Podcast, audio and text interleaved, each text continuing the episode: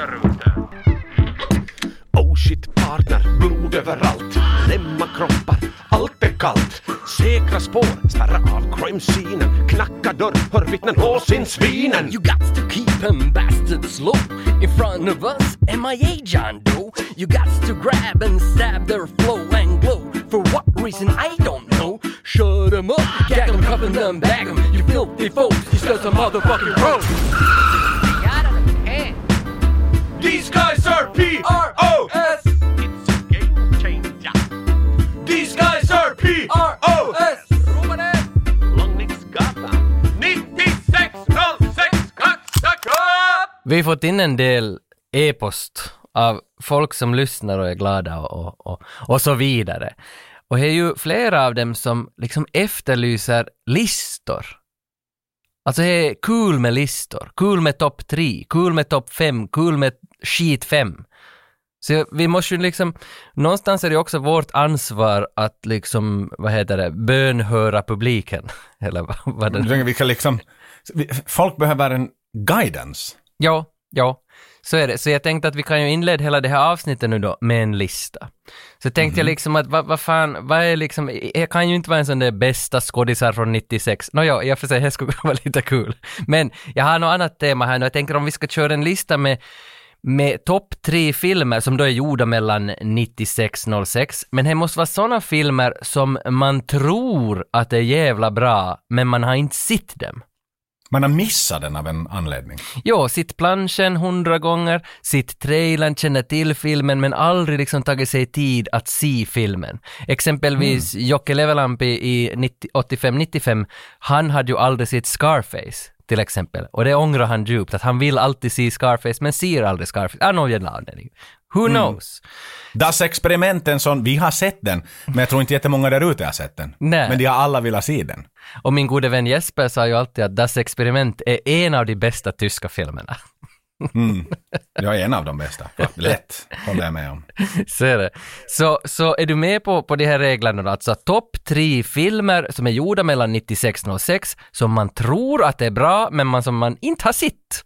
Helt klart. Ska vi ta varannan eller tar du dina tre? Vi kan nog ta varannan liksom så, så, så sparar vi på ett, bådas etta liksom. Det. Och om jag inleder med min plats fyra då. Eftersom listor har, eh, listor är listor vet du, topp tre, vad fan är det för skillnad? Jag har gjort en fyra. What's the difference? Jag kunde nämligen inte enas om plats tre och fyra, så du får mina plats tre och fyra på samma gång. Eh, en sån som jag alltid ser och är sugen, jag är ju en liten sucker för eh, romantiska komedier älskar liksom Truth about cats and dogs och sådana grejer med Janine Garofalo. Tycker om, alltså Love actually är nog varm och skön. Alltså, romantiska komedier, en liten sucker för sånt. Så både min tredje och fjärde plats är lite sådär romcom-aktiga. Och, och min tredje och fjärde plats är, är Sliding Doors från 1998 med Gwyneth Paltrow. Mm. Är det här någon bekant för dig? Gwyneth Paltrow är jättebekant. Mm. Men inte Sliding Doors. Ja, det handlar väl någonting om att hon har två liv, att hon missar metron och så ser hon hur hennes liv blir när hon missar metron och samtidigt visar man filmen när hon hann med metron. Hur blev det när hon hann med metron? Liksom det här sliding doors-effekten då. Fan vad du säljer in nu, den här vill jag ju se ikväll. Ja, ja, men det är det jag menar. När man ser trailern så är man sådär, fan jag måste se Sliding Doors från 1998. Men jag har inte sett den. Men den är en sån där som jag alltid vill se och någon dag fan ska jag ta mig tid. För min andra tredje plats är The Parent Trap med Lindsay Lohan. Den är eh, kanske inte, den är väl mer familjekomedi, men det är väl de här två syskon som blir separated at birth och sen så träffas de senare i livet på en summer camp och sen ska de växla roller. Att ska vi lura mamma och pappa? Och sen växlar, för de är identiska tvillingar, så växlar de roller med varandra. En sån här rolig Alltså, det verkar vara en jättekul familjefilm. så att säga, en Disney-grej. Och den, den alltså två ångrar jag att tvillingar som växlar roller. Eh, jo, men de blir separated at birth och vet inte att de är tvillingar, men så träffar de varandra på en summer camp och tycker att de liknar varandra så mycket, kommer väl underfund med att de är tvillingar då. För jag hade två Eller kompisar i Vasa, du känner dem också, som ju växlar Mhm. roller ibland på dejter och sånt där. Ja. jag tror att jag vet exakt vilka du menar. De var lite fulla i fan.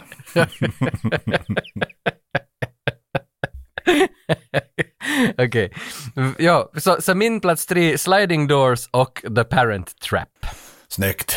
Jag slänger in en 2005-film. Um, en film jag faktiskt aldrig har sett. En film som alla känner till. Uh, åtminstone, kanske inte genom filmen, men åtminstone genom namnet.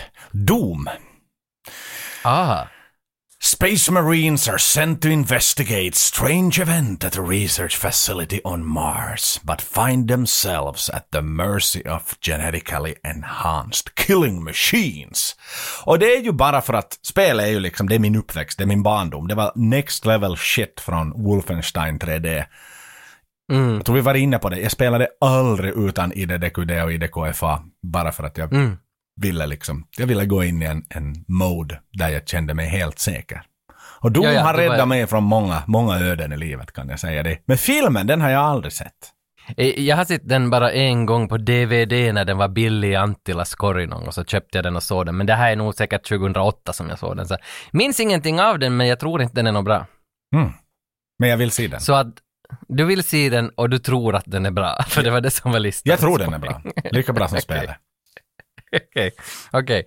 Eh, nå, min plats nummer två eh, är Miracle 2004 med Kurt Russell. Som är den här ishockeyfilmen om slutet på 80-talet när hans lag, Amerikas landslag i ishockey ska ta sig till olympiaden och vinna över Sovjetunionen. Miracle on Ice. Ja, och den heter bara Miracle. Eh, och den filmen, så jag är inte riktigt trogen till min lista för jag blev så sugen på den så jag såg den. Men du skrev listan måste- innan du såg den. Eh, kind of, vet du, men, men, men lista, what's a list? Och, och jag blev nog sådär att Miracle, alltså fy fan, det var ju en full tia nästan. Den var ju så jävla bra, så, så mina aningar var ju rätt. Jag trodde den var bra och den var fucking bra. Och nu har jag sett den. Av de bästa sportfilmerna? Det. Eh, Det, måste vara, så Space Jam och Miracle, där är väl de där två. Vi pratade ju om racingfilmer, bra racingfilmer. Låt oss klumpa ihop dem i sportfilmer också i förra avsnittet. Så Mm. den här är liksom, den ligger up there. Den gör nog det. Och jag var så glad när någon kommenterade sin favoritracingfilm i, våran, i vårat go-kart-sällskap på Facebook, att någons favoritfilm var Rat Race med Rowan Atkinson. Och när någon skrev det så blev jag så glad för att den där skulle jag ju också ha velat se, för Rat Race såg jag faktiskt på bio. Och Rat Race var ju alltid jätterolig. Men är inte en remake, Rat Race? På en gammal film. Ingen aning. Jag tror det är en remake. Ja, okej. Snyggt! Min eh, nummer två eh, är registrerad av Robert Mandel, som du säkerligen känner till, med Tom Bergender och Raymond Cruz. Filmen är ingen mindre än The Substitute. Eh, Det handlar om en eh, retired lönnmördare som eh, har varit på någon covert upp i Kuba. Han blir en, en vikarie på en skola och, eh, i, i Miami. Och sen så, så blir, det, blir det fan, har jag förstått. Och, och eh, det är så filmens liksom plott är. Så en retired mercenary som går in och blir lärare. Den ser helt sjukt bra ut, planschen alltså. Av de snyggare filmplanscherna. Lätt, måste jag säga, från 1996. Aha. Ja, för att eh, jag tror att jag har sett den, men jag är inte säker. Jag vet hur planschen ser ut. Den är väl mörkgrå plansch och sen är det någon sån här, vad heter det, en sån här kalktavla bakom honom och så står han framför tavlan framme i en klass. Ja men typ, alltså en sån klassisk man, Robert Mandel-stuk. Ja, ja alltså jag, jag, jag, oklart om jag har sett den, men jag tror jag har sett den. Mm, men, jag vill se den igen, i alla fall. det tycker jag. Men jag tror, eh, jag tror att du måste ta din första plats före min. Inte för att min är the substitute, men bra nära. Så jag tror att vi hoppar till din första plats nu. För att, den är, för att den är bättre såklart. Ja, men jag har ju en etta, den är från år 2000. Filmen heter Pitch Black. Det handlar om ett transportfartyg som, som eh, kraschlandar kort och gott och lämnar sin personal på en planet som också är välfylld av blodtörstiga varelser som kommer ut under en, en eh, solförmörkelse. Inte jättelångt ifrån Doom, men det är något i det här mystiska. Vi söker en annan värld. Man är ute på någon typ.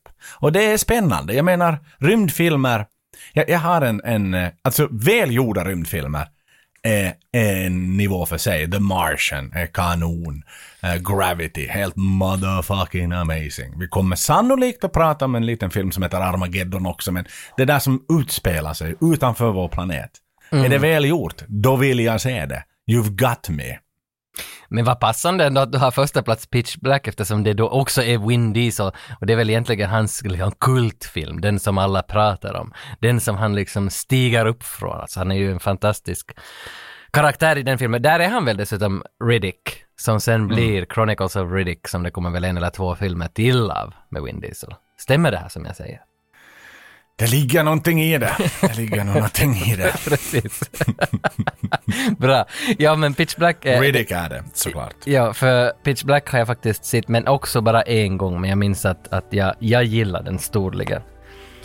Det där, och passande också att din är en rymdfilm, för min första plats är också en rymdfilm. Och jag gick nog in med liksom den filosofin att, att vi gör listor hit och dit och, och alltså regler. Varför måste vi alltid vara så nära regelsystemen att man ska inte ha sett den och tro att den är bra? Så jag har nu valt en film uh, som kommer från rymden, eller den handlar om rymden egentligen. Och, och och nu när man ändå har sin chans och har sin röst och har sitt forum och här finns kanske några lyssnare man har chans till propagandan att berätta åt folk om vilken film som ändå borde lyftas upp i varje avsnitt och i alla konversationer man har. Så jag har valt eh, Armageddon som första plats. För jag tycker ändå att när det finns en lista, fortsatt, så lägger du Armageddon överst på din lista.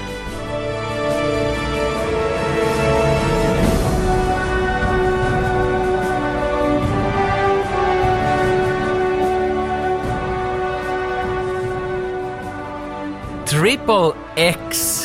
Nåja, nu är vi liksom, vad fan? Jag hade lite glömt att den här filmen fanns. XXX som den så snitsigt heter.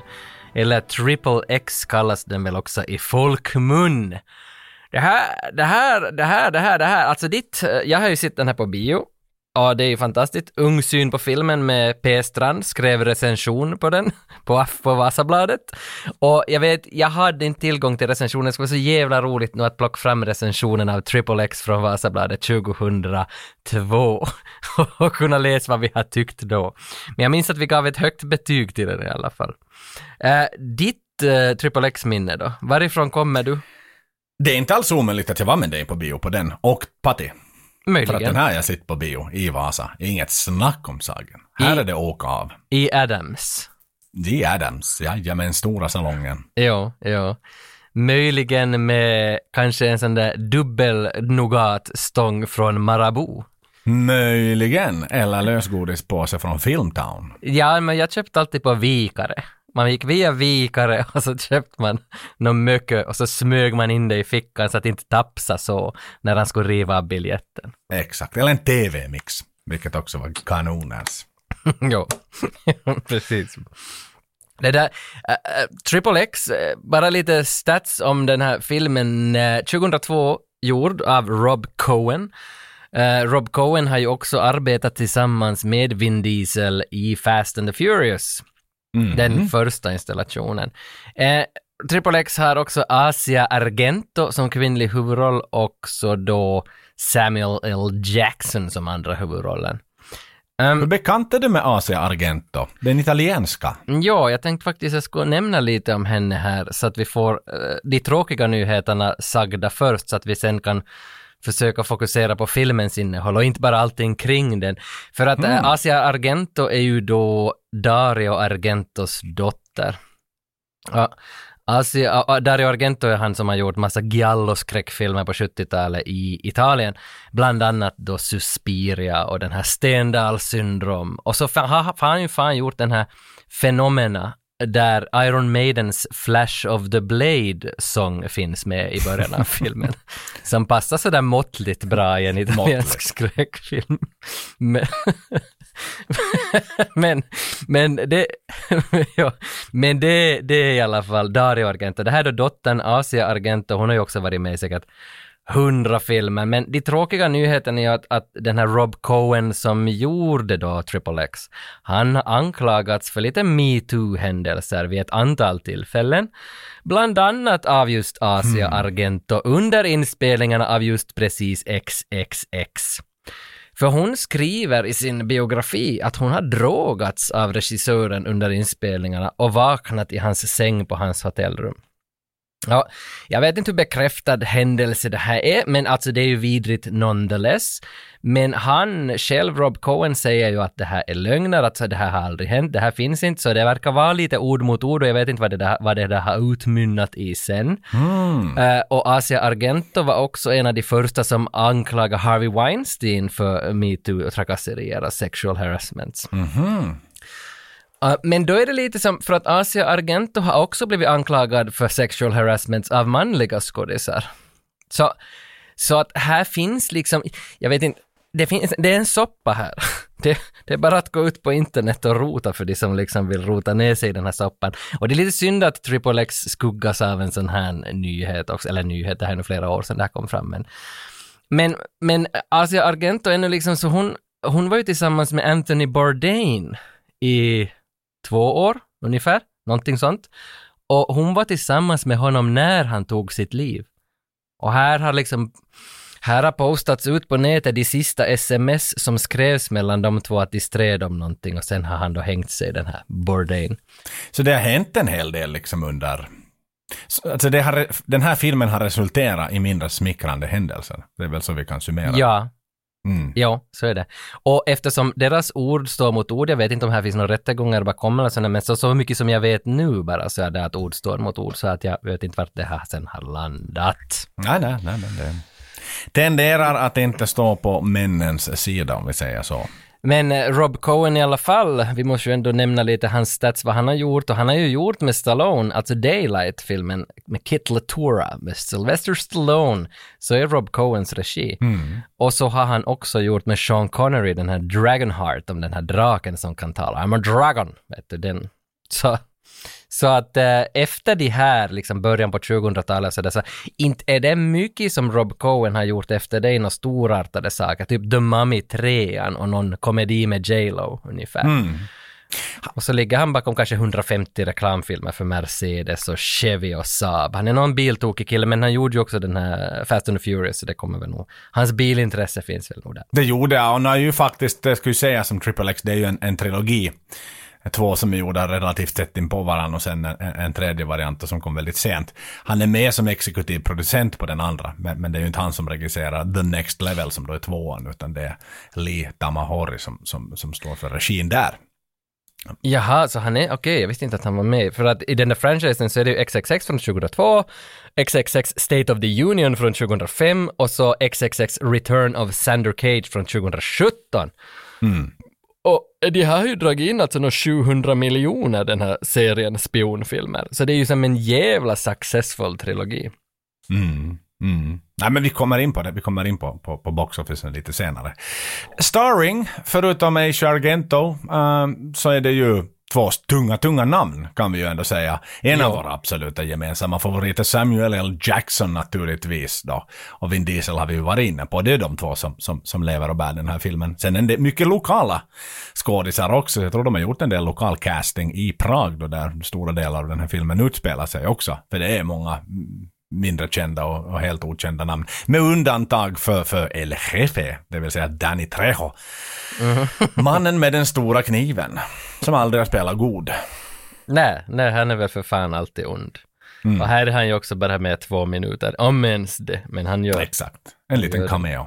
mm, mm, en liten camel toe, eller vad du sa. Ja, exakt. Ha, har du några liksom facts på Vin Diesel? Jag har inte så mycket på honom. Ha, har du någon lista på, på hans liv? Lite kort, lite kort. Han är ju född 1967, vilket gör att han är i sina 50 år idag. Mark Sinclair heter han egentligen, det är hans biologiska namn. Han bytte namn till Vin Diesel när han jobbade som ordningsvakt under 1980-talet. Han började sin filmkarriär under 90-talet, men hade det väldigt svårt att hitta roller. Han gick på, på audition efter audition efter audition och var en struggling actor, som 99% av alla actors de facto tyvärr är. Han skrev en egen kortfilm som heter Multifacial. eh, Där han egentligen, som egentligen handlar om honom på ett sätt, för det handlar om en struggling actor som går runt på auditions och träffar folk och bland annat så är det någon som föreslår att han ska gå in på en audition till en soap opera, men, men då är den karaktären han spelar så säger att inga riktiga skådespelare är någonsin med i soap operas, så att det vill han då inte göra. Och sen ska han maybe play an Italian och så vidare. Så det är en sån här eh, ja, en ganska biografisk roll egentligen, kan man väl säga. Mm. Eh, genombrottet på, på storfilmerna när han då fick sin, sin första, första så att säga stora acting role kom 1995 när han var med i filmen Strays. Vilket också då, eh, Strays en, en, en, en film där han spelar huvudrollen, en sån här mindre, spelar en small time drug dealer and bouncer in New York City. Men det var den filmen då som fick upp ögonen för självaste Steven Spielberg, där han ju då får spela en, en mindre roll i Saving Private Ryan då. Och ja, han är med i den. Okej. Okay. Mm. Men det måste nog vara en jätteliten roll. Han har en liten, han är med i den här uh, Tom Hanks Platoon då, som ska ut och savea, liksom Private Ryan såg den faktiskt där för några veckor sedan. Men mm. han dör bort ganska tidigt i filmen, men han har lite, lite lines naturligtvis och så vidare, så att han, han han, han är synlig i filmen. Det är inte bara en liksom dead German number 57 utan att han, han, han är nog med liksom och på det sättet är true American patriot kan man ändå säga i den filmen. Mm -hmm. Um, han är ju välkänd för sin djupa röst. Han har ju en väldigt uh, deep voice. Väldigt sexig mm, voice kan man väl säga. Och han var 15 år när, när han gick in i sitt grova målbrott då. Och det gav ju honom eh, en möjlighet liksom att börja redan då söka auditions och sånt, för han verkar lite äldre. Vi kan säga att han är ett jättestort Dungeons and Dragons-fan. Hans Oj. mamma, hon var en astrolog och det var också hon som växte, liksom eh, upp, uppväxte honom, uppfostrade honom. Han vet inte vem hans riktiga pappa är. Utan han var en, en eh, ja. Han var någon. Som, han, var någon. han har aldrig fått reda på det i alla fall. Han mm. pratar väldigt många språk faktiskt. Han pratar då, bemästrar inte, förutom engelska bemästrar han spanska, portugisiska och franska. Han har också en bakgrund som breakdancer. Och eh, hans största inspirationskälla som han själv nämner är ingen mindre än gudfadern själv, nämligen Marlon Brando. Avslutningsvis kan vi informera er om att herrn har en hedersdoktors äh, titel från Hunter College. Sen vill jag ytterligare informera om att det som man kanske inte tänker på jätte, jätte ofta med Vin Diesel, han är ett muskelberg, han är ett av de här så här millennium-muskelbergen. Du vet, han är mm. inte OGs, han är inte Schwarzenegger, Schley och så vidare, utan han är liksom den här next generation of muscles. Men att han har fan med tjäna pengar, den killen, på sina filmer. Tittar du på topplistan på de liksom actors som har plockat in mest stålar av allt det jobb de har gjort, så ligger han på en sjätte plats. Av ja, ja. alla actors. Det är väl Fast and the Furious-linjen där som säkert ger ganska bra. Ja, och den, den, den, den film som gav mest som han är med i Avengers Endgame. Jaha, just precis. Okej, vad gör han där? Jag har inte sett Avengers Endgame. Nej, jag är inte jättesugen på de filmerna. Och det roliga är att, att, att den andra stjärnan i den här filmen ligger också med på den här topplistan på en tredje plats. Jo, jo, jo, och det är ju också Marvel. Han är ju fan Nick Fury, alltså Samuel mm. L. Jackson, så han är, därifrån de här Marvel-filmerna kasserar de ju in huisiga miljarder. Jo, jo, det är ju inte Pulp Fiction som gjorde att Samuel är rik. Nej, nej, nej, nej, nej. Men, men, eh, men eh, innan vi går lite till Samuel L. Jackson, jag måste nu nog ifrågasätta lite saker här. Han gjorde ju sig, alltså Vin Diesel har väl gjort sig jättestor på grund av sin röst, precis som du ser, han har så djup och häftig röst. Det är väl han som är rösten i The Iron Giant på 98 eller när den är gjord, den 99 Rita. kom den, efter Private Ryan. Exakt. Ja. Men den, den öppnar ju dörrar, Private Ryan förstås. Det är en stor Jo, jo, jo. Jo, jo, men, men eh, det varit jag vill leda dig är ju att han gör rösten som Iron Giant som är en erkänd superfilm. Och sen är han ju nu då rösten till I am Groot. I am Groot. Det är ju Vin Diesel som gör den där rösten. Så han gör ju jättekända röstskådespelerier just med tanke på I am Groot. För att det är väl, I am Groot finns ju vad fan på t-skjortor på H&M än idag och kommer att vara där länge. Det är ju en legendarisk, ett legendariskt litet träd. Jo, men bara till mitt försvar, som du kanske noterar, så, så gick jag upp, alltså min, min lilla chart om honom stannade vid triple X. Ja. För jag menar, allt som kommer sen, det är sen. Nu ska vi prata om en film som är gjord precis, precis. I love it. Eh, Fast and the Furious, där har ju med väl i alla tio. Det kom väl just Fast and the Furious X, så där, där, där har han ju gjort en hel del roller. I somras hade jag mitt Fast and the Furious Race. Jag såg åtta av de här filmerna, för jag hade tidigare bara sett eh, ettan och tvåan ungefär. Men nu eh, jobbar jag mig igenom åtta först, jag har kvar ännu nian och tian. Eh, men eh, det kan jag nog rekommendera till dig. Eh, Alltså det är nog hjärndött. Det är fantastiskt att sitta och se på Fast and Furious. Och där är han ju bra. Han gör ju sin Vin Diesel. Han är kanske inte någon Stallone, vet du, men han är en Vin Diesel. Jag tycker Stallone är med ett, ett charmigare muskelberg än Vin Diesel. Men eh, Vin Diesel är ändå liksom, ja, han är bra. Han är bra. Han är skön, han har sina vibbar, han har sina vibbar. Mm. Yes. Sam Jackson då, han har ju varit med, Samuel L. Jackson, varit med i över 100-150 filmer någonting. Att han är ju, han är ju ett namn som de flesta nog känner till. Eh, bästa filmer skulle jag själv säga Die Hard 3, Long Kiss Goodnight och Snakes on a Plane. Där är nu de där min topp tre med honom skulle jag tro. Eh, och så, no, Pulp Fiction behöver ju ändå nämnas för att eh, Sam Jackson har ju faktiskt en Oscar-nominering och det är för Pulp Fiction som han har blivit nominerad för. Och det som jag inte kände till att han har ju en Oscar också. Det var, hade jag lite glömt bort. Han fick en Oscar 2022 eller 2021, alltså ganska nyligen. En honorary award för sin det. karriär. Och så Men det ska han ha. det ska han nog ha. Så hade jag lite glömt bort också att han är ju Mace Windu i Star Wars 2. En film som jag har sett på bio två gånger. Där är han ju fan en, en, en jedi. Det är han. det hade Absolut. jag lite glömt bort. Det är ju typ, eh, eh, alltså Yodas högra hand. Jo, jo, jo. Jo, jo, jo. Och den karaktären är väl med i flera av de här, alltså äh, Clone Wars eller vad heter de här ritade, så är väl också Mace Windu-karaktären med i massor av de här side spins av Star Wars. Men mer om Star Wars sen när vi tar oss an Phantom Menace 1999, då vi ska gå in på Jar Jar Binks historia. Det ska bli ett sant nöje att gå igenom Star Wars. Någon gång får vi väl ändå lov att göra det. Absolut. Det där, eh, Sam Jackson blev egentligen känd först som 40-åring ungefär, slutet på 80-talet. Han är ju typ 80 idag eller liknande. Han ser ju ut som han skulle vara 45 fortfarande, men han är ju närmare 80. Jag har inte koll på exakt på hans ålder, men han måste vara närmare 80. Eh, känd som 40-åring slutet på 80-talet med hjälp av Spike Lee. För han var med i Spike Lees, den här, vad det nu heter den här trilogin, eller finns det till och med flera i de här Do the right thing och Jungle Fever och Moe's Better Blues eller vad de heter. Han är med i de här filmerna och sen som 45-åring så lyfts han fram då i Pulp Fiction, för där är han redan 45 alltså, 94. Smaka på den, vad fan. Ja, men eh, du var redan in på hans box office. Någonstans står det att han är den skådisen som har dragit in mest pengar, äh, varit med i sådana filmer som har dragit in mest pengar totalt genom en karriär. Och någonstans står det att han är andra och tredje och så. Men oberoende, han har dragit in, hans filmer har dragit in svinmassa hundratals miljarder alltså.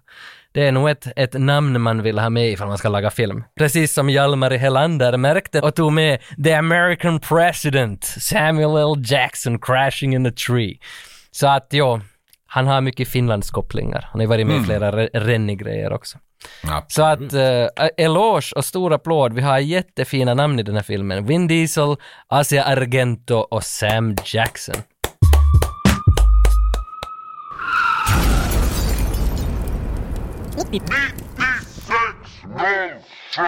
Fantastiskt Tage. Och hördu, det har inte bara kommit önskemål om listor, det har fan kommit önskemål om quizar också. Det ska, det ska det sker mycket det här avsnittet. Så jag river igång tre frågor åt dig som du ta fan ska ge mig snabba och effektiva svar på.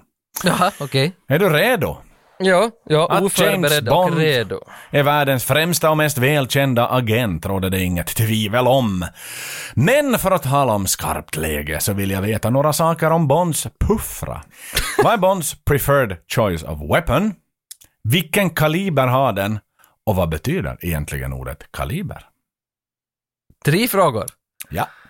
Okej, hans eh, choice of weapon är väl en... Ja du, jag kan inte så många vapennamn av, av tillverkare. Smith and Wesson. Nej, Och, men det är inte den. jag kan säga vad han sköt men berätta först.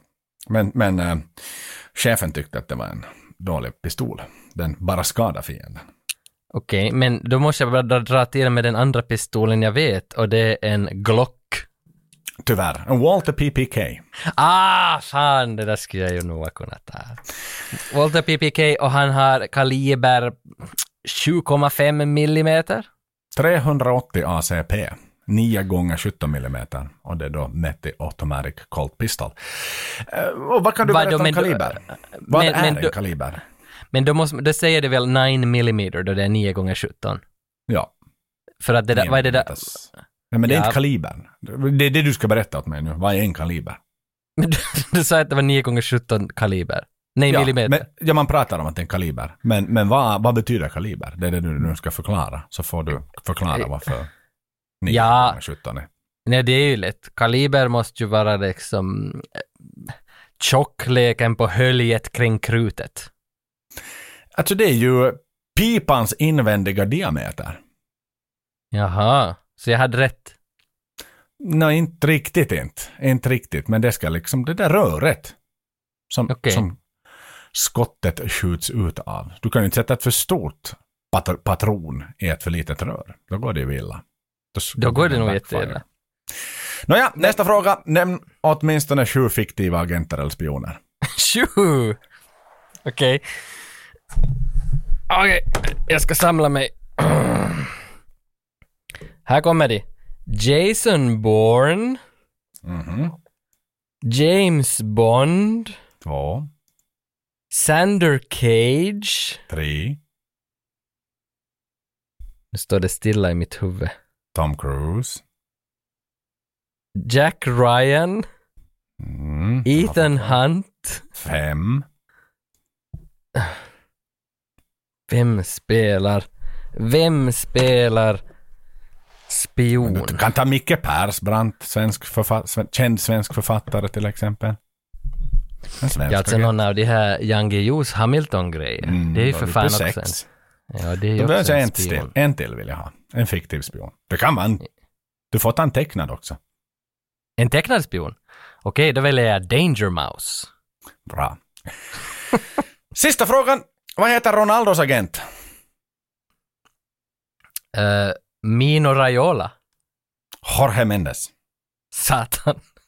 Jag tänker du är ett Ronaldo-fan och det här var en agentquiz. Jo.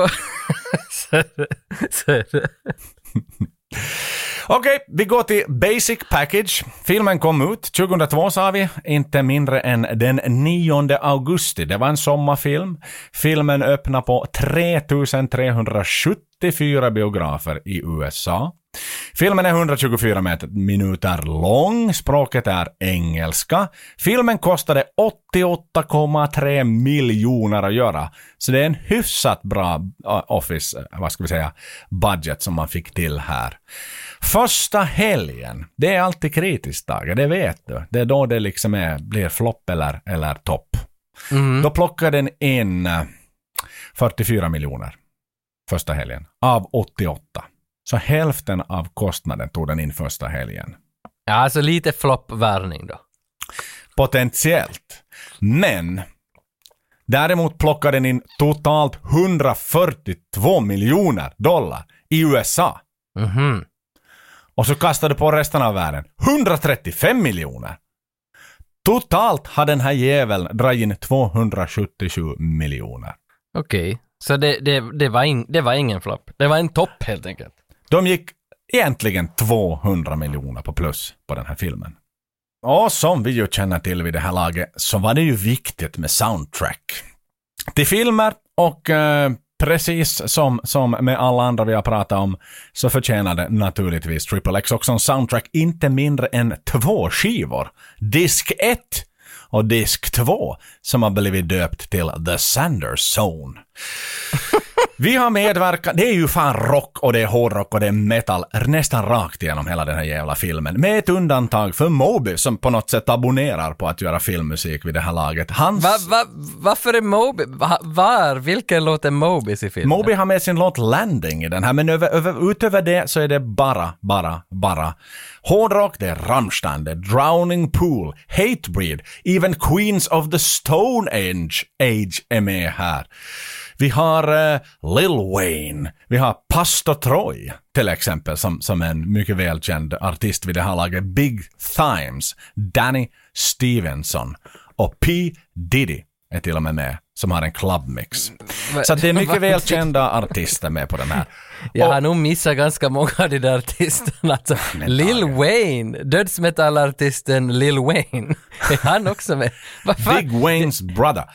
Sen vadå, titta- vä- vänta nu, alltså Orbital är väl med i filmen, alltså den här DJ-duon, de står på den ena nattklubben och DJ. Har de någon låt, eller är Tek- de på soundtracket med den Jo, jo, låten? de är med också. Technologic Parks-låten. Ja, för visst är Orbital de som har gjort alltså The Saint med Val Kilmer, den här temalåten till, the, till den nya The Saint. Om du säger det så. Har inte Bono med nå- någonting med det där göra? Säkert har Bono något. Han har nog producerat dem säkert. Ja, men Orbital var ju ett sådär klassiskt 90-talsband. Men tittar du till det här då, jag menar vi pratade om att den hade plockat in nästan 300 miljoner i pengar. Jag menar den här skivan sålde ta fan i fem, en halv miljon exemplar i USA. Den, den, den Oho. låg på högst upp på charten i USA. På Billboard-listan. lika- Nummer ett ligger en jävla blandbandsskiva. Det är ju helt galet egentligen. Va? Det är ju lika många exemplar som Darude sålde av Sandstorm. Ja. 500 000. Exakt, så att den ligger så pass högt. Kanada har den sålt två gånger platinum och i Mexiko också. 75 000 mexikaner gick till sin lokala Antilla och säger nej, nej, nej. Jag väntar inte på att den här kommer på VHS. Ge mig CD-skivan nu. Men vad roligt, vad man blir uppåt av sådana här nyheter. Fantastiskt Men det är på riktigt, roligt. det är ju på riktigt bra band och liksom med tanke på hur i skriket Rammstein var 2002 och de öppnar hela filmen med Feu- Feuerfreu. Mm. Alltså nu är det som stora jävla låtar som de har sackat in på skivan nu, så inte, inte så konstigt liksom att det säljer bra. Det är en svulstig produktion. Och med den musiken och den glädjen och energin, vad säger vi om en trailer? Det gör vi. På med trailern. I'll be with you guys in a minute. I noticed you got three X's on your neck. That's appropriate since you're looking at three strikes. Grand Theft Auto, reckless endangerment, and that little bridge stunt of yours. Excuse me while I kiss this guy. But if you do what I want, I'll make all your criminal transgressions go away. I don't know who you think you're playing with. I don't play this game. Shut him up. I got a party. You get the chance to pay back Uncle Sam for all the wonderful freedom you enjoy. I live for this. I want you to meet some people and find out whatever you can about them. What type of people? Dirty, dangerous, your kind of people. You can kill millions. He's got an army, a fortress. You don't stand a chance. Vin Diesel is Triple X. The things I'm gonna do for my country.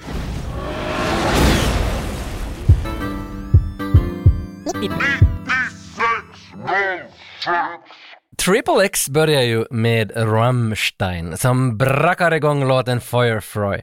Eh, rivig start utan vidare. De är utanför en medeltida kyrka någonstans i Centraleuropa. Där står det till och med att de är i Prag. De är i fucking Prag. Där är någon som springer och så kommer en man flygande på honom med vajrar och spakar och grejer uppifrån himlen och tar ett chip av mannen. Eller tar han det där chippet ens? Han tar ett chip av mannen och eh, två andra skurkar är snabbt där på plats. En av skurkarna har på sig en Rammstein-tröja. Ja, Och- ja. Och de ser ut som 90-tals henchmen båda två. Jajamän. Med svarta solglasögon. Som om de skulle komma rakt från en Darude, Darude musikvideoinspelning. Exakt. Tuxedo Guy då, han tar sig in genom en dörr och det visar sig då vara rakt in på en Rammstein-konsert i en gammal kyrka. Ja, ja. Men just det, var- varför tog inte han hans chip där, den här som kom med vajrarna redan? Varför springer... Han gjorde uppdrag- åtminstone ett, ett försök att ta chippet. Huruvida han lyckades ta chippet, Jo, jo, jo, så var det. Han fick inte. Därför springer ju mannen in på Rammstein-konserten. Mm. Ställer sig på row zero, no pun intended. Big pun intended, I would say. Shame on you till Lindemann. Shame hur on you. Du har ju haft liksom i många år en kärlek till Rammstein. Jag har haft det. Och jag har sett dem till och med också två eller tre gånger live, men du har sett dem betydligt fler gånger live.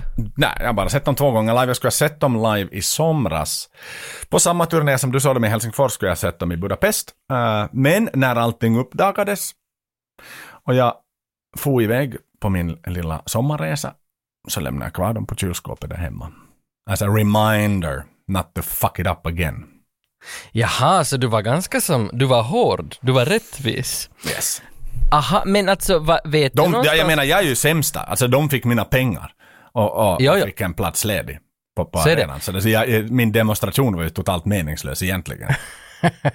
Men vad vet du i nuläget jag förlorade allt och de vann allt på det. Vad vet du i nuläget om Rammsteins Row Zero-skandaler? Var ligger det just nu? Nej, det jag vet, det blev ju polisärenden av det där i Tyskland, men de lades ju ner. Det gjorde de, så det ledde aldrig liksom hela vägen till åtal. Så att, sådär, vad ska vi säga, de är väl ur, ur, den värsta, ur den värsta elden just nu, men det är klart, liksom, de är ju brännmärkta får man väl säga, eller de och de, det är ju till Lindemann som är brännmärkt i det här fallet, det är ju inte de andra medlemmarna, ska det med, med tydlighet sägas. Christoph Nej, men- Schneider var ju bland annat ute och skrev att, eh, i, i sina sociala medier att, att, att han tar avstånd från det här och att han tycker att Till Lindemann har blivit alldeles för, för isolerad på konserter. Han, han kör sitt race och har sin egen loge och har sina egna fester där. Eh, att det är lite så här Till Lindemann och sen är det Rammstein. Så att eh, på det sättet så ska vi inte dra en, dra en blöt filt över de andra i bandet. Men så här, eh, som, som, som Julia, min fru, sa äh, när det här uppdagades då och blev ble, blev en stor, stor grej och, och, och fler och fler vittnesmål kom till, så frågade Julia, Joel, är du överraskad? Att det var just han? Och jag var sådär, "Äh, faktiskt inte alls. Nej. Ska det vara någon så måste det vara till Lindemann. Liksom, han är ju, men allt, han är ju 60-årig gubbe, allt handlar om snusk, allt handlar om sex, allt handlar om nakenhet och penisar och han är ju en, en, en provokatör av rang. Alltså han är, han är som Marilyn Manson, men europei, östeuropeisk. Ja, eh, men, men det var Och dit det jag lägger ville några liksom... dimensioner till. För det var det jag ville lite fråga om liksom, för att är allt befläckande? Är det som det här Harry Potter, vet du, J.K. Rowling, Witch Trials, vet du, när hon skriver ut lite tweets om, om transpersoner och sen efter det så bränner de hennes böcker, alltså all, allt skit händer på en sekund. Alltså, är, det, är det en witch hunt också på Rammstein just nu, du som ändå lite kanske följer med i Rammstein? För jag följer inte hemskt mycket just nu. Nej, jag skulle säga så här att så, de har ju hållit på så länge. Eh, Så att, Mm. Alltså, de, de flesta tar ju till Lindemann i försvar. Det har ju varit mycket sån här liksom jesuit till Lindemann, I stand with till. Man har bytt ut Jaha, finns det Ukraina sånt? mot Okej. I stand with till och sådär. Eh, Så det har ju varit jättemycket sånt och folk har jag jag vill minnas att det var på deras konsert i Berlin då som de hade, så var det någon, någon demonstration såklart liksom att vad fan, kom igen, Rammstein kan inte spela här. Men, men de flesta fans så väljer att förbise det här, för de gillar Rammstein så mycket och de gör det för musiken, gissar jag. Precis. Men även om den här Front Row då, så här, och det har ju, ska vi se något positivt av vad som har hänt, så den har ju liksom upplösts. Den existerar inte idag. Det blev ju liksom total panik. Det var en rysk promoter, hon den här tjejen, men nu vet inte vad hon heter, som gick liksom och handplockade de här unga damerna och då gav de det här VIP-passet och access dit backstage då. Eh, Jo, de som ju då är också de här vittnena till det som har hänt. Men det, hon fick ju sparken typ samma dag som, som de liksom dagsmedia plockade upp de här eh, inläggen på sociala medier då. Så att de städar ju upp det snabbt. Men jag menar igen så här tillbaka till det, Rammstein är ju en enorm pengamaskin. Alltså de är ju en koloss. Så lek med Ja. tanken att bolaget, mm, är det Sony BMG som har dem, jag tar inte gift på det, men jag menar lek med tanken att de skulle krossas totalt. Det är så in i bombens mycket pengar de går miste om. Så att det är ju, ligger ju i Jo, deras jo. intresse att de ska hållas kvar och sälja arena efter arena, arena och åka till USA på storartade turnéer och sälja slut de största fotbollsstadionerna som finns där. Jo, jo, jo, jo. Var, alltså, men var är de i turnéplanen just nu? Är det alla kejkor avbokade eller kör de på? Nej, nej, de körde på helt slut med allting så att de, de har slutat sin Europaturné nu så nu är de liksom på paus och så vidare. Så jag vet inte vad de har, har bokat i näst men, men jag menar de släppte en skiva ganska nyligen då liksom och fortsatte med sin den här massiva turné som du såg i somras på, på, på Olympiastadion bland annat i Helsingfors. Så. Jo, jo, för jag såg ju den här turnén, jag såg den här turnén typ en vecka innan det här, the, the shit hits the fan. Ja, exakt. Och- jag hade och- då som sagt mina biljetter, det var en månad senare efter det då. Eh, Så att eh, där fick jag, fick jag då helt enkelt, ja men...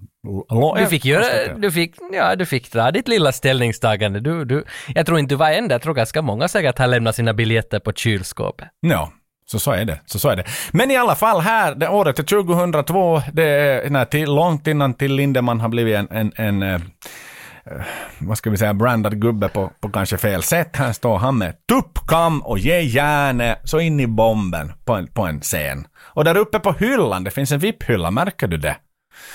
Jo, jo, en sån där, mm, där, ja, kul. Och eh, där sitter de ju och har fest, kort och gott. Skurkarna är där. Jo, man ser ju direkt på håret, äh, på frisyren, att den som står där och äger festen och håller i alla de här hantlangarna, så det är dumma bossin. Det Ja. är chefen för allt det onda i den här filmen som ska presenteras direkt. Exakt. Exakt. Och, och han blir skjuten när han ska upp på scen, den här Tuxedo Guy då. Och eh, en, en rolig liten sån detalj är ju då att publiken tror ju att han crowdsurfar. Så han är ju död. Men de liksom lyfter ju runt honom där då. Jo, det är smått morbid crowdsurfing att en död man lyfts runt där. Men samtidigt är det ju eh, finurligt filmskapande. För det är lite, det, det, det sätter sig i minnet den där bilden. Den är ju äcklig den där bilden. Men, men den, den, den, det, det är bra filmskapande. Så är det. Så är det. Jo, det där, sen kommer vi till, nu, nu känner vi till att det är någonting fishy going on i Prag. Och sen klipper vi till Amerika, Virginia. En hemlig plats som är väl typ, är det NSA, National Security, eller CIA eller vad det nu NSA, finns. Det är någon, NSA. NSA.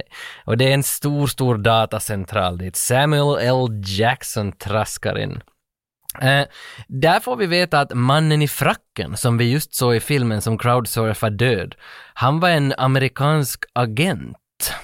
Och han, han var något slags ryskt biochemical weapon på spåren i Prag. Att det var därför han var där. Och på det här chippet som de försöker ta, eller de tog väl chippet av honom, så där fanns det en stor karta över massa molekyler. Och de som dödade honom så tog det här chippet och det, det var en grupp som heter Anarchy 99 som är en ökänd, inte kan man väl säga terroristcell eller vad de kanske Terroristcell har jag kallat dem i mina papper. Ja, okej, men de var en terroristcell, eller de är fortfarande i filmen en terroristcell, som har stulit det här chippet över det här biome- biomechanical weapons. Så där är vi. Nu vet vi lite mer om vem mannen var. Eh, Men det som Samuel L. Jackson nu vill här i det här rummet då, han är ju, man märker att han är någon högre uppsatt gubbe inom NSA. Han vill prova någonting nytt för att få tillbaka det här chippet. Att han ska inte bara, vad är det han säger, we can't send another mouse to the snake pit. We wanna send a snake to kill the mice. Eller något För liknande. han, eh, alltså Tuxedo Guy är, är då en av tre som redan har dött. För att få tag i Ja, säger är det riktigt så det Okej, okej, det, det, det har jag nog missat.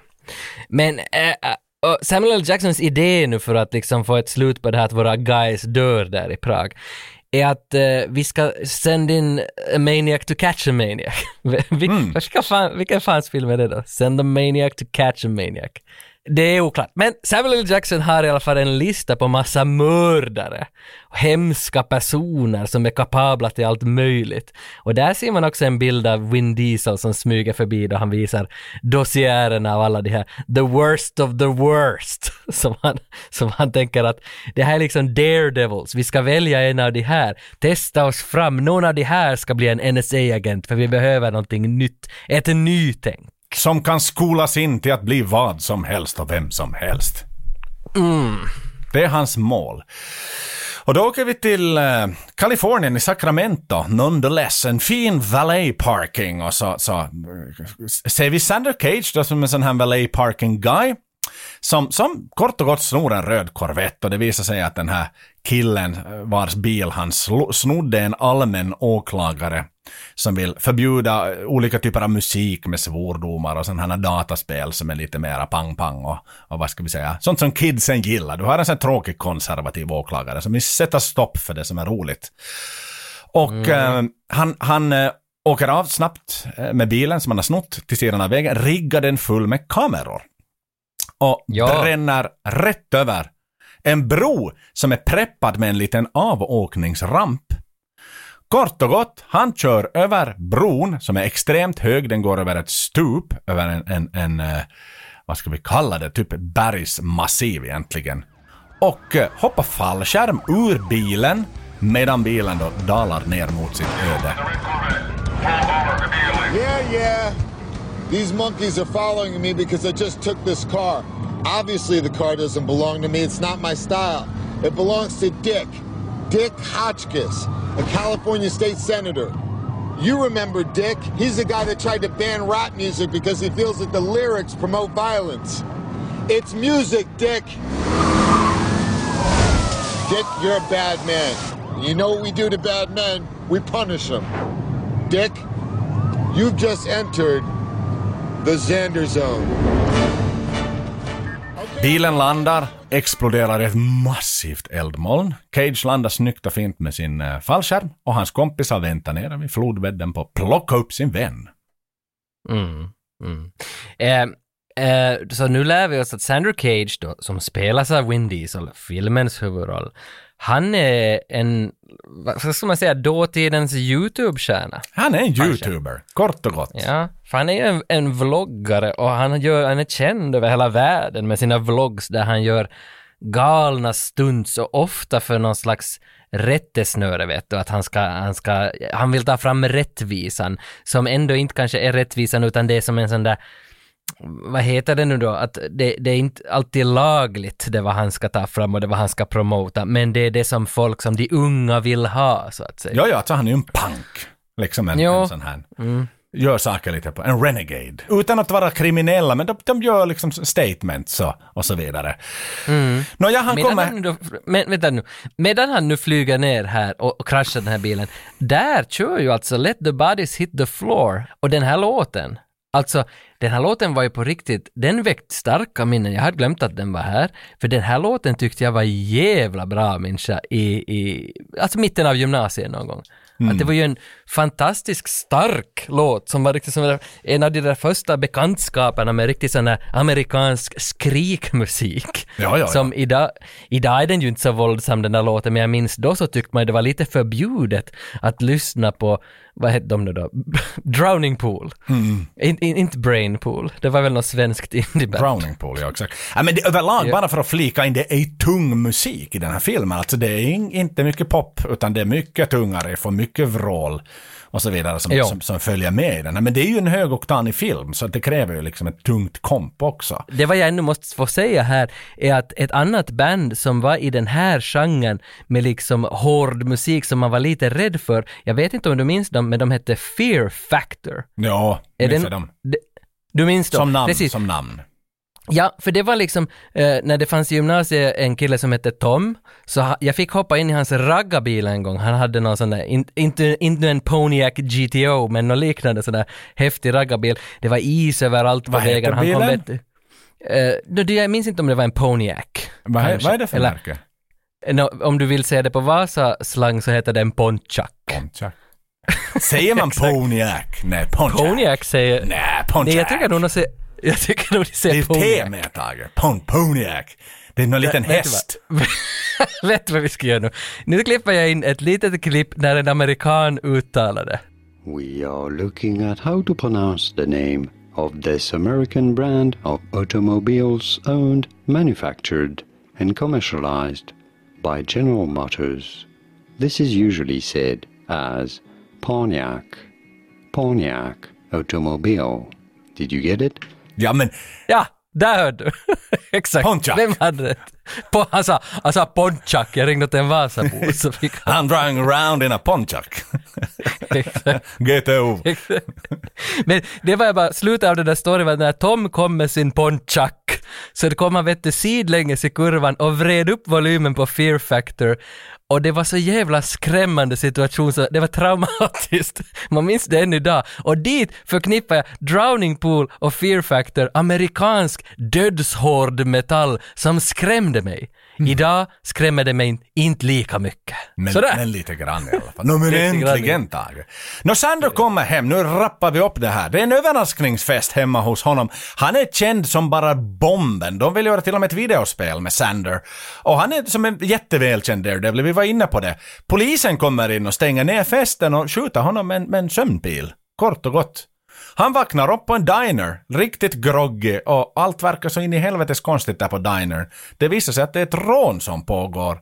Sander får då liksom visa sig vara styv på linan, han paketerar ihop skurkarna, han eh, löser allt. Och klipp till Welcome Samuel L. Jackson again. Nu äntrar de båda scenen i samma kameravinkel. Han sitter och applåderar. Sander har ju räknat ut att allt var en setup.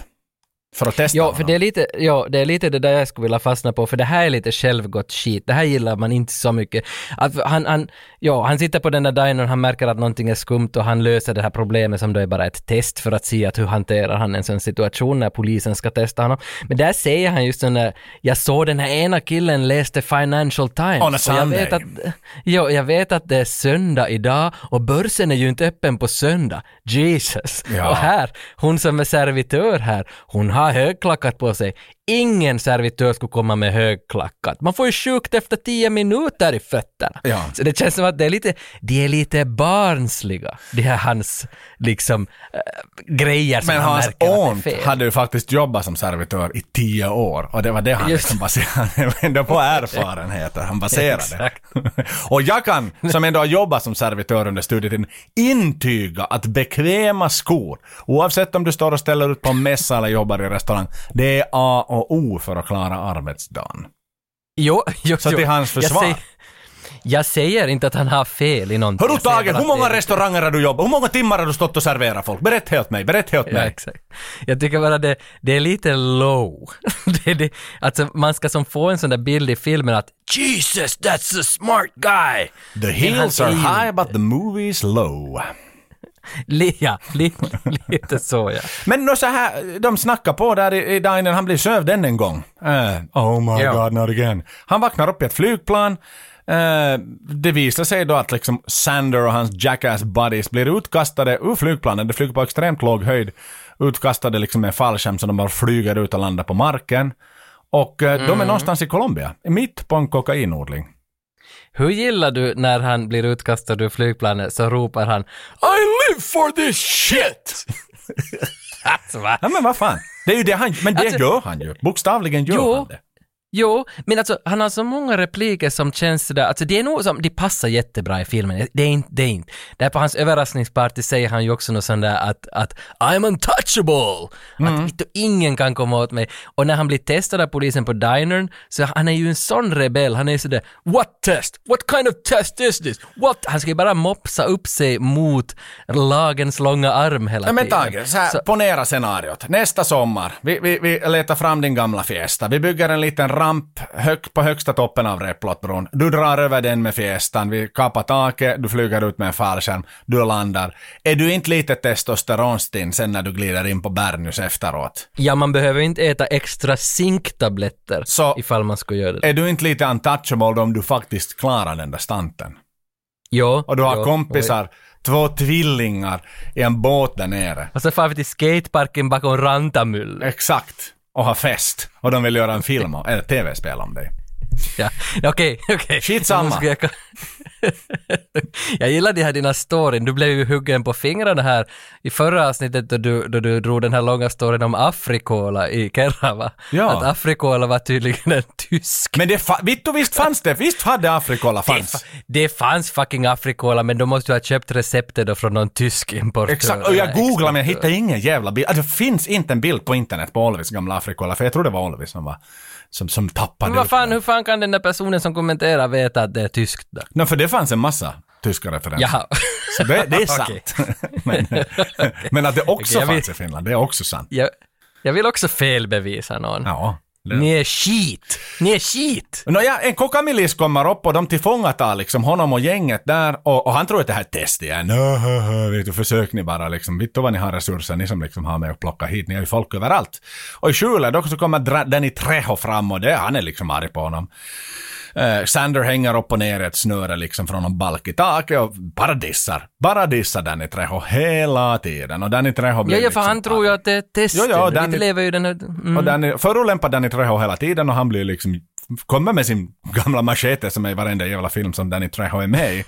Och Jo. provocerar honom som att alltid på en lek. Det blir fightande sen.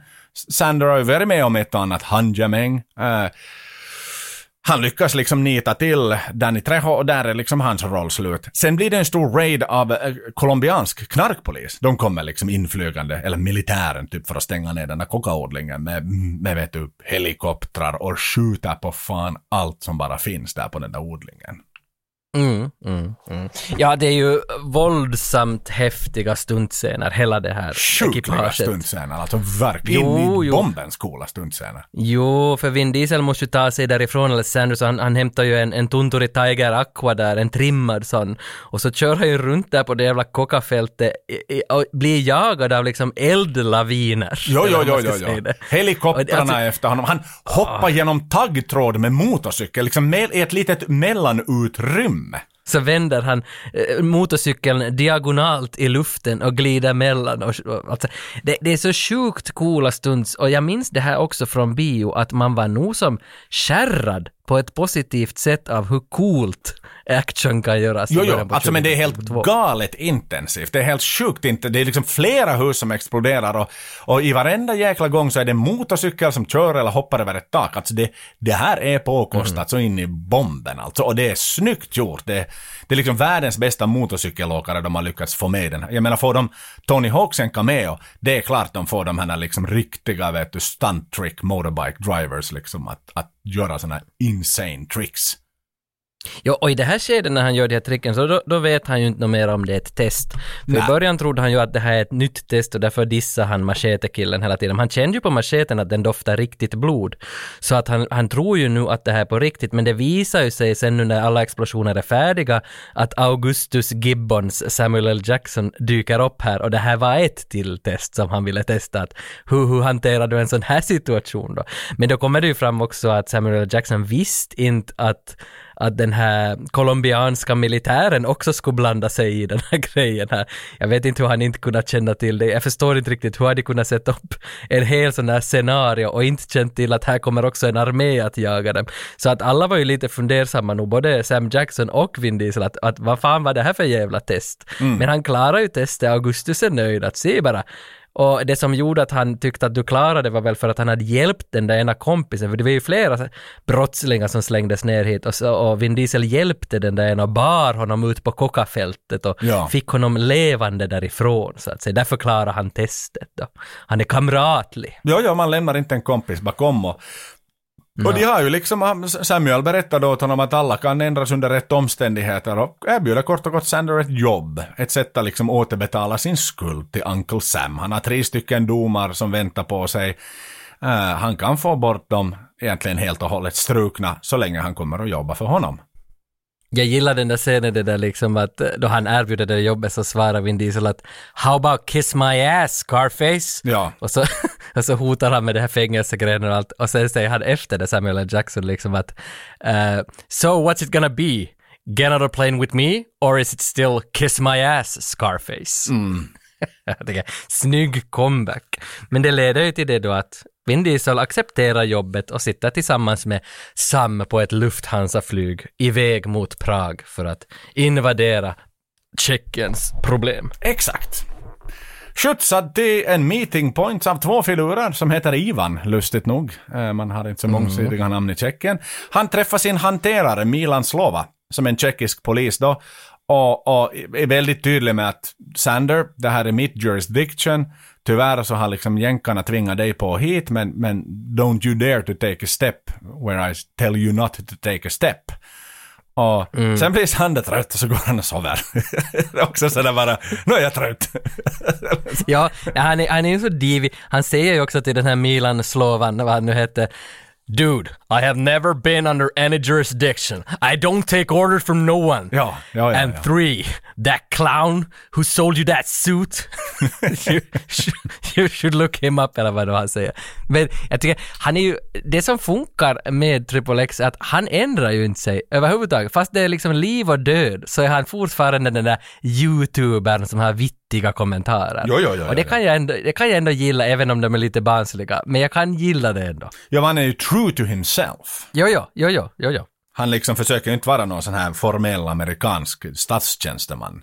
Sen förfaller vi in i filmens bästa scen tycker jag, när, när då Sander och, och den här Milan, för nu ska de ju jobba tillsammans de här två då för att ta reda på grejer. Mm. Jag kan Eh, informera de att han fick sova tre timmar. Ja, just det, det han faktiskt. I'm gonna sleep now.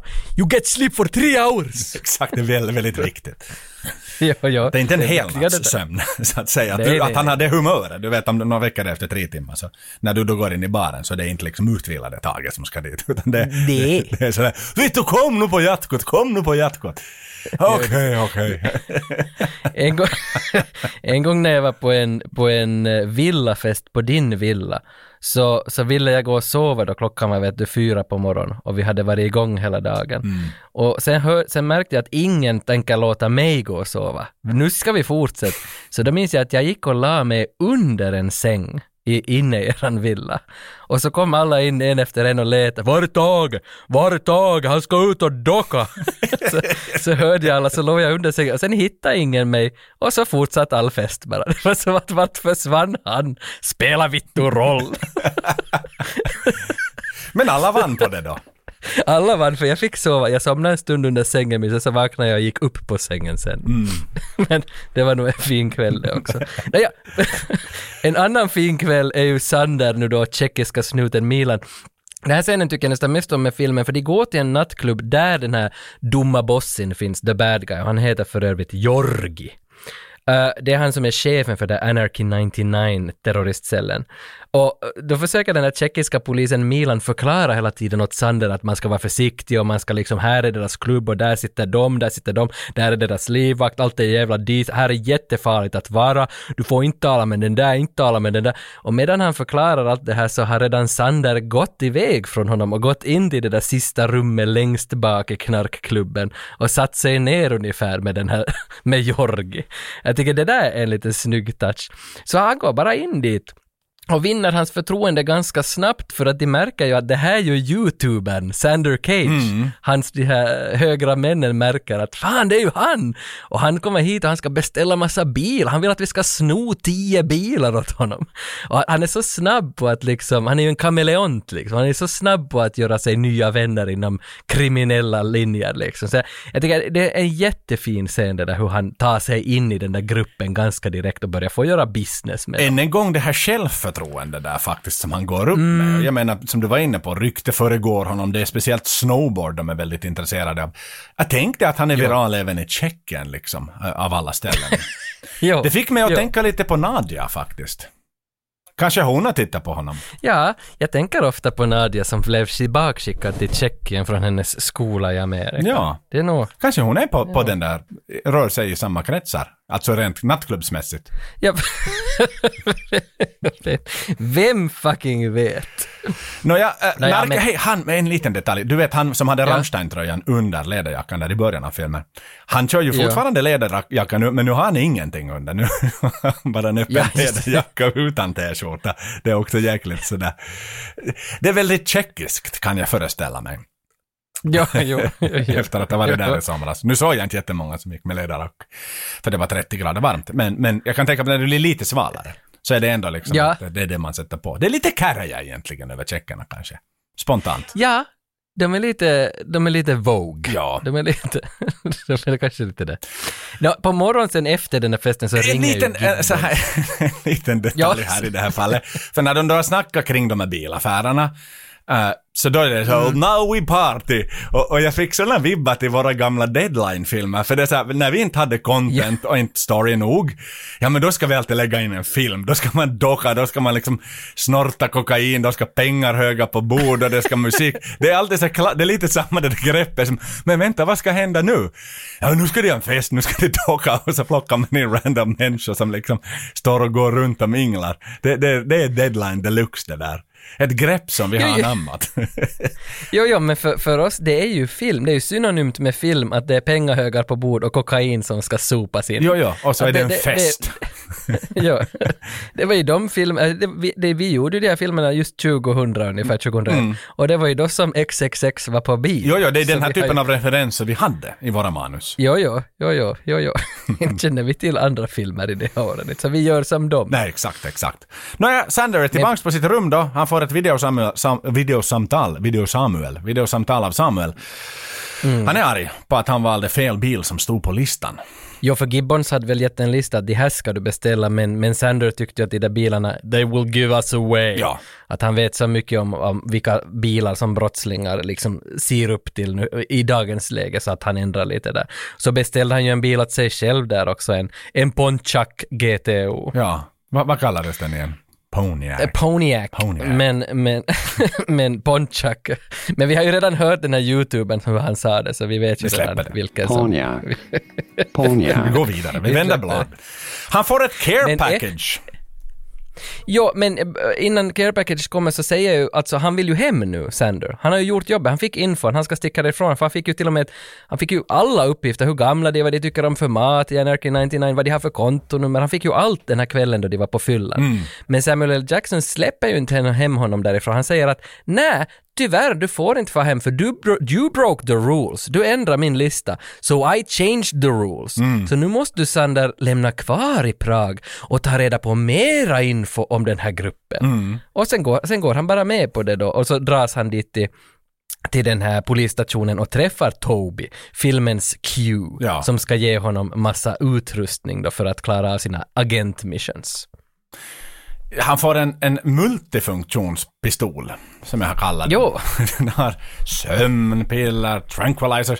Den har till och med sådana här radiopilar och sen så har de sådana låtsasskott som att det ser ut att det kommer blod fast det inte är något farligt. Och sen helt vanliga skott såklart. Och en kikare som man kan se igenom kvinnornas kläder. Ja, såklart. Eh, Kolla han är eh. en kvinnlig kollega där. Naturligtvis, det är ju 2002. Men jag tror att de har stulit den där scenen från If Looks Could Kill med Richard Grieco från 1991 som den här podden tidigare handlade, liksom för ett år sedan eller två år sedan. Där får han också, han är också agent och han får en kikare som han kan titta genom kläder. Och i Tomorrow Och Never Dies, som inte jag har fel, så får han några glasögon Jo, som han kan titta precis, på det är kvinnor så- i underkläder på. Sant ju! Alltså, så det här är ett återkommande tema bland agenter, Ja. att de ska se på kvinnors underkläder. Men varför ser man inte genom underkläderna då? Han får ju också något sån här explosivt plåster.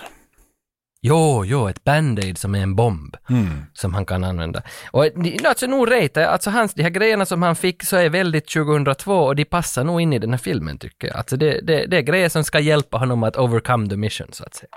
Nästa scen då är det liksom överlämningen av bilarna, alla bilarna är där, eh, pengarna rullas in, det blir en liten spänd minut där att pengarna inte kommit ännu, men sen kommer stålarna, eh, helt som det ska vara, 1,2 miljoner dollar. Sander då får sin GTO i present av Jorgi, sådär att lite som en bonus där. Och de märker att det är något oväntat besök där på taket. Eh, och det blir en sån lite mystisk liksom att hej, är det dina gubbar? Nej, dina gubbar. Varför skulle jag bråka med dig? Nej, du bråkar med mig. Vad har du håller du på att koka ihop?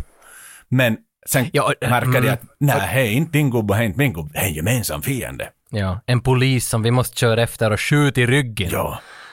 Och, och, det, och det är ju då när han skjuter, alltså det här är ju då den här Milan Slovan som är den där gubben. Jag förstår inte bara varför for tjeckiska militär, eller tjeckiska polisen dit överhuvudtaget? För det, det, det var ju en stor risk att gå och sabba allting.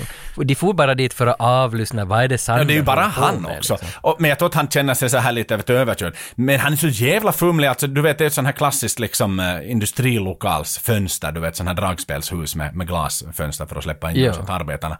Det är ju inte bara, alltså han vinglar ju runt där, han har ju sönder tre, fyra fönsterrutor liksom, med ramlar och lutar Ja. mot. Att det, det är nästan så här Charlie Chaplin liksom över det där. Och han, liksom, det är som, Jo, han är så jo, jo. odiskret man någonsin kan vara. Det är inte så hemskt liksom trovärdigt. Men, men det utmynnar i att de jagar fatt polisen, men i, när Sander ska skjuta polisen så ändrar han då i sin multifunktionella pistol att han skjuter honom med bara en sån uh, squib, eller vad man ska säga, någonting som bara ser ut som att det for in i honom och det var blod, men att the impact is real, så han strittar nog den där polisen. Och, och Jorgi tycker att wow, du sköt en polis för min skull. Uh, welcome to Anarchy 99. Så nu, nu är Sander liksom in i den här gruppen. Men samtidigt ser han ju Jelena. Har vi pratat om Jelena, Asia Argento? Nej, inte mera. Hon är ju liksom, hon var ju med där i början på nattklubben, liksom lite såhär CFO-aktig. Och, och hon är ju svårflörtad och sådär liksom. Och De har, han försöker lite, vet du, limma på henne, men, men hon är inte alls jättesugen utan... Precis, nej, och det är Jorgis, Jorgis, möjligen hans tjej och hon är i alla fall med hela tiden som hans högra hand. Och, och hon, eh, han, Vin Diesel tittar ju på henne när han har skjutit polisen och hon ger honom en jättekonstig blick. Ja. Och där börjar ju väckas lite som bara, varför tittar du på mig sådär att vem är egentligen den här kvinnan som går bredvid Jorg? Mm. Jo, jo, han blir, han blir nyfiken.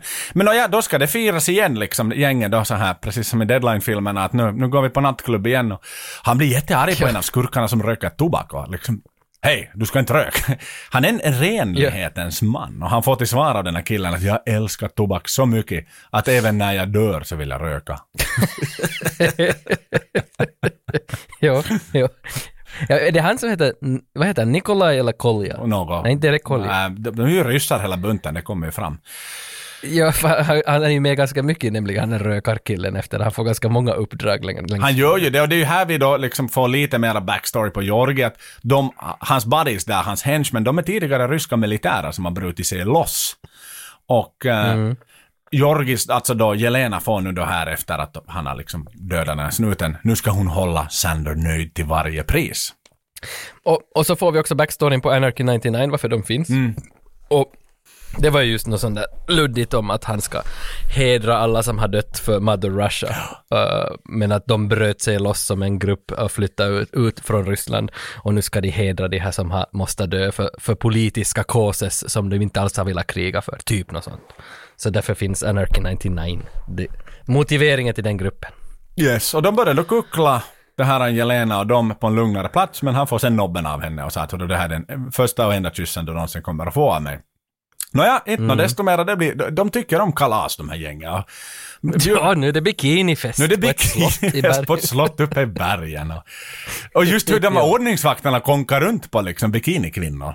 Det är, det är mitt i snön och det är vinter och de badar liksom i den här vad fan heter det? Inte springbrunnen utan eh, I fontänen. exakt. Det är där de väljer att, att, att simma. Och, och skurkarna spelar bowling med antika glasskålar och skulpturer där inne.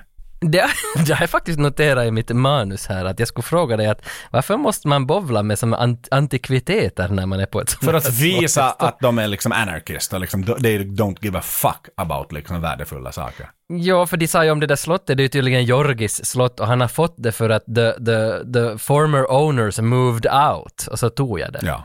Jag vet inte, han har, han har väl nog, han har väl nog helt enkelt bara snott hela slottet. Wink wink.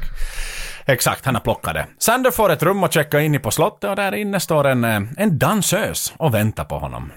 Det finns nog mycket kvinnfolk där kring Jorg Men- och hans armé. Men märker du här, liksom så här, hur snabbt som Sander bara lupp, av med tröjan liksom, morgens. det är som inget snack om saken. Det är sådär liksom, ASEAN, the things I'm gonna do for my country som han säger. ja, ja, grisigt. Riktigt Men- grisigt liksom. Han har knappt hunnit av sig skorna innan han liksom hivar av sig tröjan liksom. Nu ska vi... Ja, ja. Nu ska vi ligga. Nu ska vi panga Ja. på här. Det, det är verkligen liksom, hej vad heter du? Fuck that shit liksom. Nej, nej, nej. Snabba rör bara. Och, och, och sen när Arla morgon gryr i slottet så smyger Sander omkring i slottet lite grann. Jag vet inte, ska han gå och kissa eller vad han nu skulle.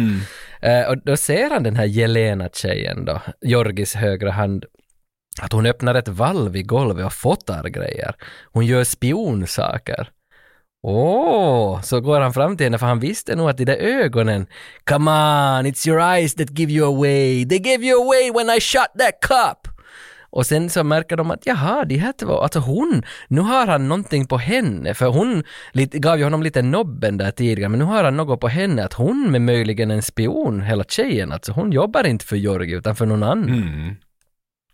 Och då i samma skede ringer någon till Jorgi och säger sig ha mera info om Sander också, att he's not who he says he is.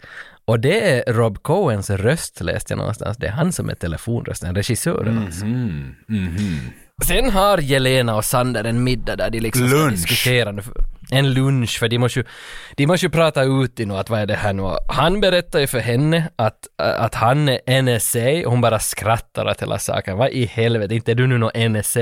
Samtidigt ringer hennes telefon och, och det är en sniper, just han som älskar att röka, att han ska röka när han dör. Att, att han är utanför restaurangen, att skicka ut Sander på gatan så ska jag skjuta honom i huvudet. För han är en agent. Ja, ja, för nu har det där samtalet som Rob Cohen ringde till Jorgi var just säkert det då att han skulle meddela att Sander är en fucking amerikansk agent. Han är inte den här youtubern bara. Så då kommer de överens om att ja, ja, okej, jag ska skicka ut honom. Men hon har ju lite tveksamt, hon, för han vet ju att hon också är kind of en spionagent, så det är en ganska fin situation som de sätter upp här. Men Sander hade väl någon lösning på det när han tog en silverbricka äh, gick ut ur restaurangen, använde solen som reflektion och, och reflekterade i facet på den här spionen så att han inte såg när han smög ut så han missar skottet. Sander tar sen sin äh, silverbricka och använder den att raila som en skateboard på, på lite rails på smågator i Prag och klarar sig undan det här skottet och sen kommer en bil och plockar upp honom och sätter en påse på huvudet och för honom till en teater. Så att det, det, lite, och det är inte, det, jag berättade snabbt jo, men fy fan vad det händer snabbt i filmen. Det scen snabbt. på scen på scen på scen. Och på teatern då, i, i, i, i sedvanlig ordning, sitter Gibbons då, Samuel L. Jackson, och väntar på honom och konstaterar att hördu nu, nu är det dags för dig att fara hem, för nu har du blivit röjd. Du ville fara hem tidigare, men nu skickar jag hem dig. Och då är Jo. tables have turned. Sander är inte alls nöjd med att fara hem, för nu har han ju fått något, han har fått, fått Jelena så att säga, han har fått upp ögonen för Jelene. Och han var sådär, men vänta nu, jag just skickat Jelena tillbaks in i Anarchy 99 för att få reda på mer information. Jag kan inte lämna henne i sticket, jag måste finnas kvar här. Jo, ja, för hon har ju hunnit säga åt honom också att, att det är massa ryska vetenskapsmän som går till det där slottets källare från och till hela tiden. Hon får inte gå till källaren så hon vet inte vad som händer där. Och Sandor får ju upp vittringen han nu att han vill ju veta vad som händer i källaren. Han kan lösa hela det här caset om han bara får vara kvar. Men dude, your cover has been blown. Go home, Sander! Ja. Nåja, inte far han hem utan han far och bergsklättrar kort och gott för att komma upp till slottet igen och, och jag gillar det är en vakt där som, som sitter och smuttar i pluntan hela tiden. Så, så, så det är inte, det är ju liksom riktigt elitsoldaterna mera i, i ryska militären. Ska vi säga i dagens värld med ryska militären så är det väl inte riktigt elitsoldater någonstans där inte. Men nå, hur som haver då, Eh, han kommer upp och han, han, han slår den här pluntsoldaten på käften och tejpar de här plåsterbomberna på alla motorcyklar som finns.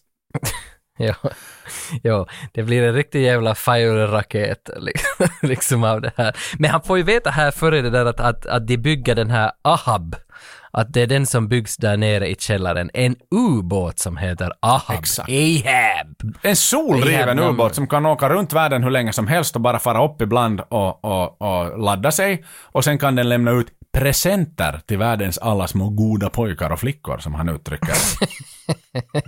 Ja, Exakt. Det är nå- något liknande sån här VX-gas. Det är några gasbomber som den ska skicka. Det är lite, det är lite the rockiga bomber. Exakt, det är någon sån här kemisk missil de, de liksom sätter in i den där eh, båten då. Och så firar de sen. Nu är det som champagne, nu är vi klara med vårt jobb äntligen. Så det bjussas på champagne och Jorge och hans närmaste krets passar på att- hoppa in i ett separat rum där bredvid dem med sin stora glasfönster. Och Tamme satan, han trycker på knappen som aktiverar missilen. Alla andra Ja. står kvar och dricker champagne. Den blåser upp i taket den. Ja, gasen kommer ut, alla dör. I don't want anybody talking about this project. Their job is finished now. They did. Привет, друзья. They did their job and now they were a liability. We don't need anyone talking about our business.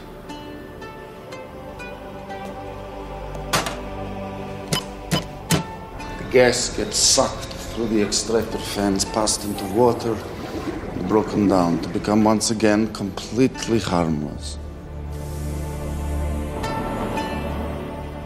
So quiet. I know now why they call it Silent Night. Och nu, nu, nu sitter vi ju här igen. Nu har vi att göra med en bad guy som ska förgöra världen. Och det var länge all- sen Tage. ja, ja, ja, det var Mission Impossible 2 senast, det vet. Ja. Men alla, äh, det, det är ganska klassiskt. Det är, som, det är som att det ändå skulle nog ändå vara lite på 80-talet som vi är med liksom de här motiveringarna till bad guys. Men jag gillar ju det för det är väldigt enkelt, det är lätt att förstå. Jo, jo, jo, jo. Men det är som, ja, det, det är vad det är. It is what it is. Vi lär oss att gasen eller det här kemvapnet kallas Silent Night eftersom, eller eftersom, och att det bryts ner i vatten. Så att på det sättet liksom, är det ett organiskt material kan man väl kalla det. Mm, och allting känns bara som en sån här stor setup, att han måste säga allting hur man också disarmar bomben. Det är alltså vatten Ja. som den måste vara i för att den inte ska... Så att vi vet hur den här filmen nog ändå på något sätt ska sluta, att vatten ska rädda dem. Mm. Sander är ju också i labbet, men han, han har liksom gömt sig någonstans eh, så att han inte är utsatt för det här giftet uppenbarligen, utan han står som bakom en vägg. Men Jo, jo, med sin kikare. Han ser ju genom teglet med den här kvinnokikaren han har. Exakt. Så han kan ju se genom teglet vad de gör där inne och samla på sig information. Och sen så märk upptäcks Sander där, de lyckas komma åt larmknappen, två stycken sådana här henchmen, och så nu blir det nu full shootout och han springer snabbt till sin motorcykel och far iväg. Gunsen då ska ju följa med på sina egna motorcyklar, men då har han ju satt den här plåsterbomberna på dem, så han passar på att smälla upp dem. Det är en sån här hängbro som håller på att öppna, så han liksom hoppar över den, gör ett tricks samtidigt, och sen kommer den här eh, Hans kompis, eller hans kompis, hans fiende, fick då tag i en motorcykel innan den har sprängts. Men just när han är i luften över den här bron så spränger han upp den. Jo, jo. Snygga stunts igen. Uh, Sander får sen ett samtal av Gibbons på Google Meet då, att, uh, och då får Sander berätta liksom om den här nervgasbomben. All info far nu till Amerika också, att det finns sådana här VX-gasbomber här. Och, och, och att excellent work vet du nu, skitbra. Och vet du där på teatern då jag sa att du måste få hem, jag sa det bara till dig för att jag visste att du fan inte kommer till få hem. Nej, om jag skulle säga att det är att du inte får hoppa från Empire State Building, vad skulle du göra då? I'll jump from the Empire State Building! Exakt. Det är lite platt kanske. ja, det är machoprat på hög nivå, men det, det funkar ju, det håller ju till storyn, det passar ju in där. Exakt. Tom tvärtom, som jag kallar mina barn ibland. Tom tvärtom. Eh, men sen så funderar ju Sander och Jelena att de ska teama upp tillsammans nu då och far tillbaks till Jorgis slott och slå sönder hans värld liksom. Och så börjar de hångla och det, de verkar bli, de hittar varandra här nu, vet du nu fan. Så då planerar de en stor stöt mot Jorgis slott och här är ju inblandat Tjeckiens armé, här är någon rysk underrättelsetjänst, och här är Amerika, här är ganska många inblandade och, och så kommer, och Vin Diesel är nu någon jävla boss för alla, han står ju i mitten och någon översätter allt vad han säger och han säger just det här We need to take out their communication center in the mountains. Exakt. That's what we need to do. Ja, han är ju en Och det riktig fan det här, Colonel, Colonel Sander liksom. jo, jo, jo, han är snabbt promotad. Och det är det som han gör sen, han, han tar ett flyg, anyone here can fly a plane? Och så tar, tar han ett flyg, skydivar ut med en snowboard, sätter igång en jävla lavin och snowboardar undan lavinen och tusentals snöskotrar med bad guys på sig. Och vittu den här scenen är häftig Den är så alltså. cool, men nu går det nog så in i bombens snabbt här. Det vi har lärt oss i, i din story är ju dels det att, att Jelena har varit en rysk underrättelseagent från FSB, undercover i två Jo. Det lär vi oss. Ja, vi lär oss också att innan Jelena och Sander träffas då så här nu igen, så far han ju tillbaks till sin base, till det här rummet där han sov tre timmar. Och där sitter ju hanteraren, som visar sig att han har börjat jobba för Jorgi, för Jorgi betalar bättre än vad, vad poliskåren gör. Så att han ska ju skjuta Sander då först. Men då kommer sen Jelena och skjuter hanteraren. Nåväl, vi var ja, inne ja. på det där med att de, han har sin palaver där för en massa folk.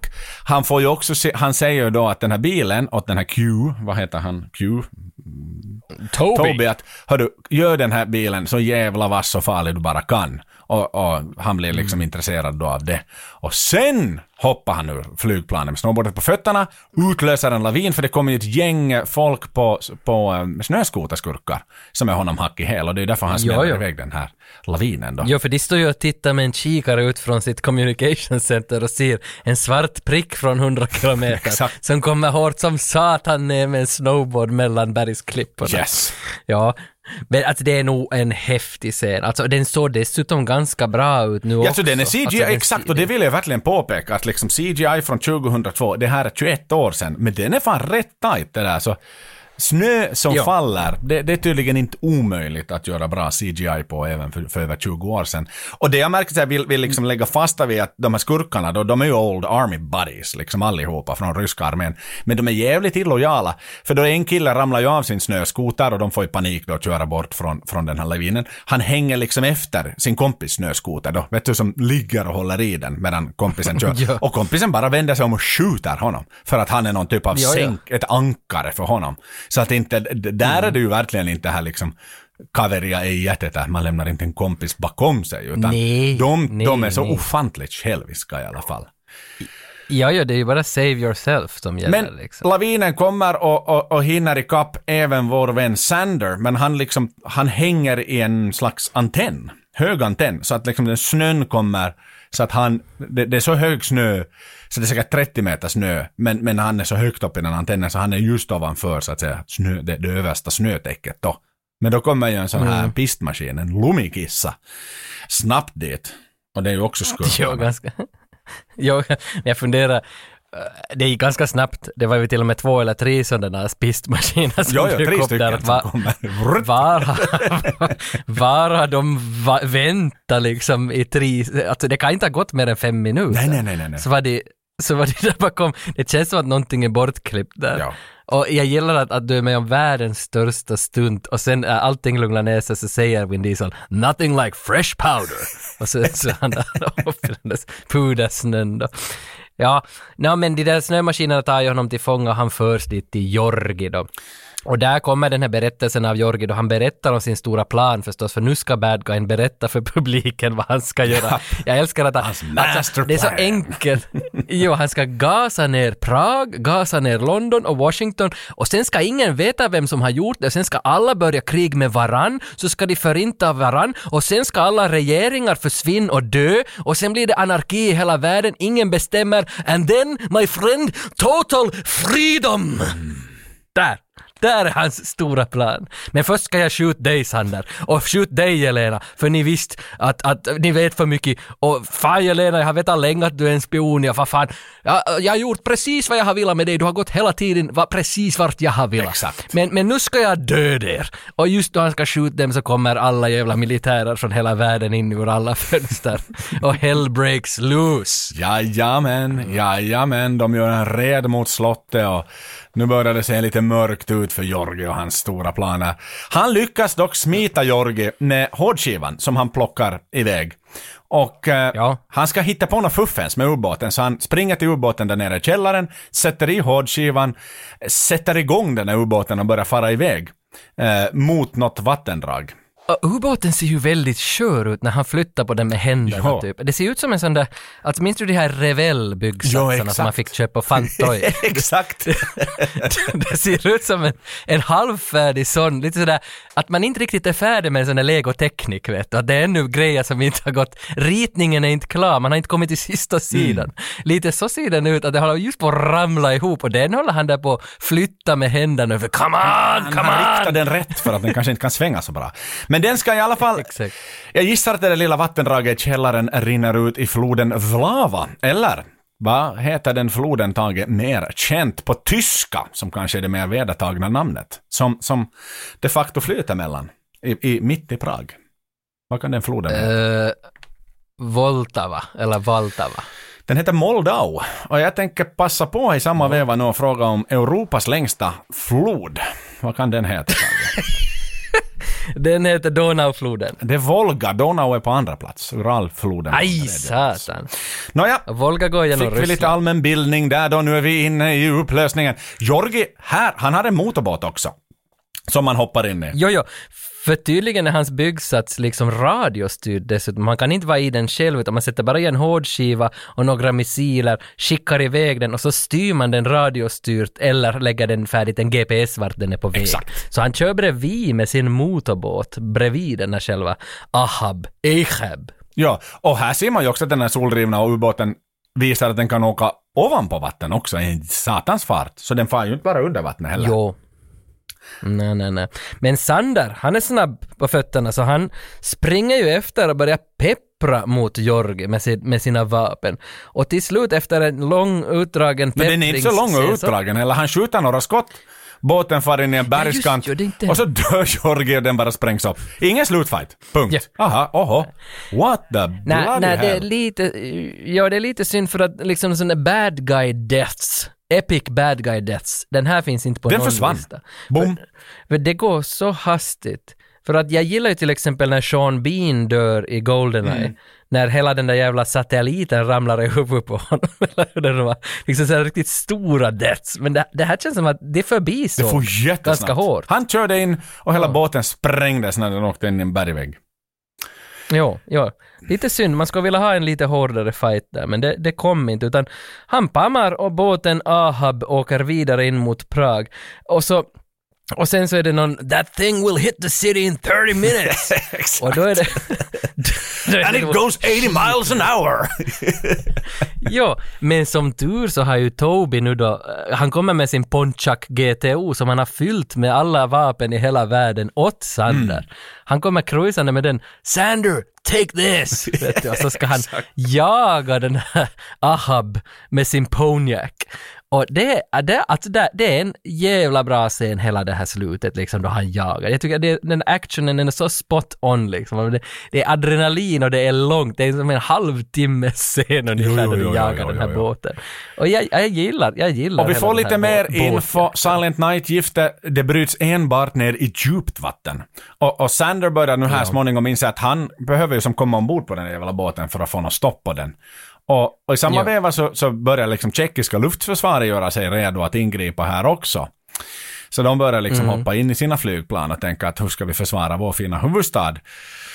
Sander kör igenom regnande potatisar för att liksom komma ut tillbaks till Moldau-floden där igen och köra längs med den. Han, han börjar, han hittar en harpun i bilen också. Så han börjar förbereda den och sen så har han en knapp som liksom blåser av taket kort och gott på bilen. Han skjuter harpungeväret så det då fastnar i ubåten och sen tack vare att han sätter på en, en eh, fallskärm med amerikanskt motiv så, så, så flyger han upp och halar sig ner i ubåten liksom så där han du, du vet så här som man gör på Kanarieöarna, du vet man kan åka efter en motorbåt i, i, eh, i fallskärm. Ja. Så det har så han gör. Och så har han en liten lina som han liksom glider, halar sig ner med den här, längs med linan då på den här båten.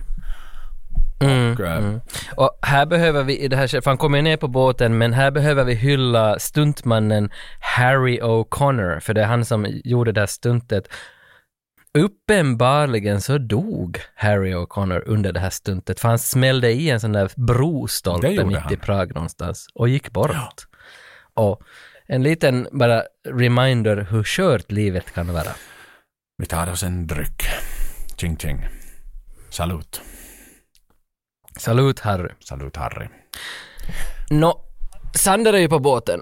Han eh, funderar ju, hur fan ska jag få de här raketerna att inte skjutas här nu? Där är tre raketer, en är väl menad för Washington, en för London och en för Prag, Mm. som, som jag nu har förstått det. Han, eh, de här raketerna, de börjar, the, the, the gas is mixing! Ja, ja, ja, ja. Det är inte också... Exakt. det är inte också... Och så börjar de Vilken liksom... film är det då? Då börjar liksom... Ja men det är ju Terrock. Är det The Rock? Exakt The Rock. Också där. börjar mixa. När de står i labbet där. mixas det. I början. Exakt ja. Exakt ja. Men det, hans lösning här nu då att, att liksom få, få, få stopp på den här jävla båten, att mittersta raketen, han tar i den med rå urkraft, lyfter upp fucking raketen, vänder den upp och ner så den ska skjutas ner mot båten. Exakt, och innan, då- innan han då får till det, för här kommer ju då att så här, när man märker, när the gas is mixing, då blir det också paus i, i båtactionscenen, nu börjar vi filma en massa fo- folk som dricker kaffe på torget, nu börjar vi filma en Ja, tant som går med barnvagn, nu filmar vi någon skolbarn som är på väg till parken, exakt som i The Rock, exakt som i The Rock, liksom för att visa att "Mud, this is what this motherfucker is actually sacrificing här. En massa oskyldiga människor som inte har den blå blekaste aning om vad som kommer att inträffa åt dem inom en minut eller två.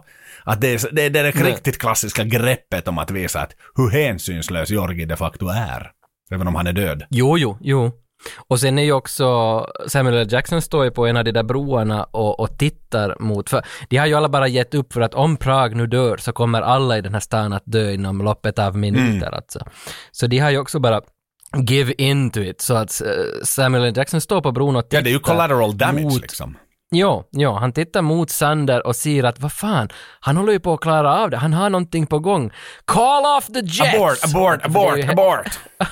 Ja, för hela jävla luftvärnet från, från Prag är ju också där ovanför med sina stora F16-plan och ska liksom Nej, det är inte spränga... F16-plan, det är ryska plan. Det är ryska plan, det är, vad heter de då? Uh, MIG. Sukhoj. Sukhoj. MIG. De ska alltså skjuta missiler på missilerna för att spränga upp den här skiten. Men abort, abort, pull your guys off! Sanders got this! Vet du. Och Sander, han vänder ju upp och ner på den där jävla missilen. Han får missilen att skjutas neråt och därmed dra med hela Ahab under vattnet och Ahab exploderar under vattnet deep down. So there's no contamination. Och så Welcome to Sanders Zone! Exakt, och så flyger han av där. Och sen börjar Samuel och, och Jelena där uppe på bron börja nästan lite gråta för att de ser ju nu också att Sander är död. De står mitt uppe på Karlbron, som jag stod för på, på, det var tre månader sedan jag stod på Karlbron, vid de där statyerna, precis där de stod och tittade. Åh, tänkte du på Sander där då, att här utspelar sig allt? Inte jättemycket då, men jag gjorde det när jag såg på filmen. Så tänkte jag, där har jag stått och, och, och, och så här, han... Samuel försöker peppa Jelena liksom att sådär, men du vet, du får fortfarande uppehållstillstånd i USA och hon är så, vittu det spelar nu ingen roll mera nu när Sander inte finns längre. Det var ju liksom hela anledningen att vara till USA var där. Mm. Och här måste jag säga att jag har som goosebumps här, för då simmar han upp ur vattnet. Jag fick också. Fot. Jag fick jag också. fick goosebumps, I shit you not. Ja, jag, var- fick också. Det var jätte, jätte emotional på något vis. Ja! Sjukt, sjukt, sjukt. Mm. Men det var han klar, efter så här, ja det är Triple X, han ska klara sig. Men jag var ändå sådär yes, yes han klarar sig. Ja, Woho! Jo, jo, jo. nej, för det, var, det, var, det, var, det var fucking bra filmskapande. Han Ja, klarar sig, faktiskt. han kommer upp därifrån och det första han säger är Bora Bora! Bora Ja. Bora! What? Han, han har väl där tidigare nämnt till Samuel L. Jackson där i början någonting om att han, han jag minns inte vad den där storyn var, men han vill fara till Bora Bora och ligga på en solstol eller vad det nu var. Jag minns inte, jag minns inte vad det var. Nu, Mm. Och där nu far- ligger han. nu far han till Bora Bora, som tydligen är inspelat på Bora Bora. Det, Den är korta riktigt. scenen. Jo, det är på riktigt där. Dit far han med Jelena och de lägger sig ner på solstolen och, och har blivit ett par, ett älsklingspar. Men då får Ja. de ett samtal av, av Augustus Gibbons, ah, there's a new mission vet du. Nu ska du satan Triple X igen på en ny vända med kriminella. Han har klarat Gibbons-testet. Nu är han en fullvärdig medlem. Och nu slänger vi också på end credits här. Boom, over and out, fade to black.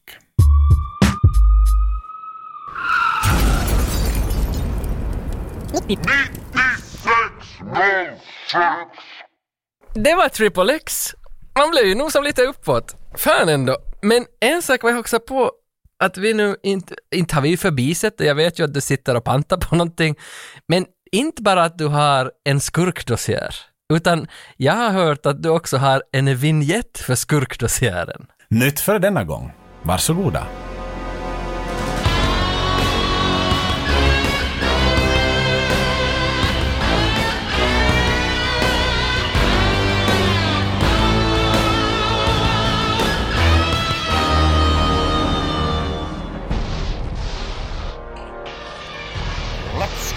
Ready for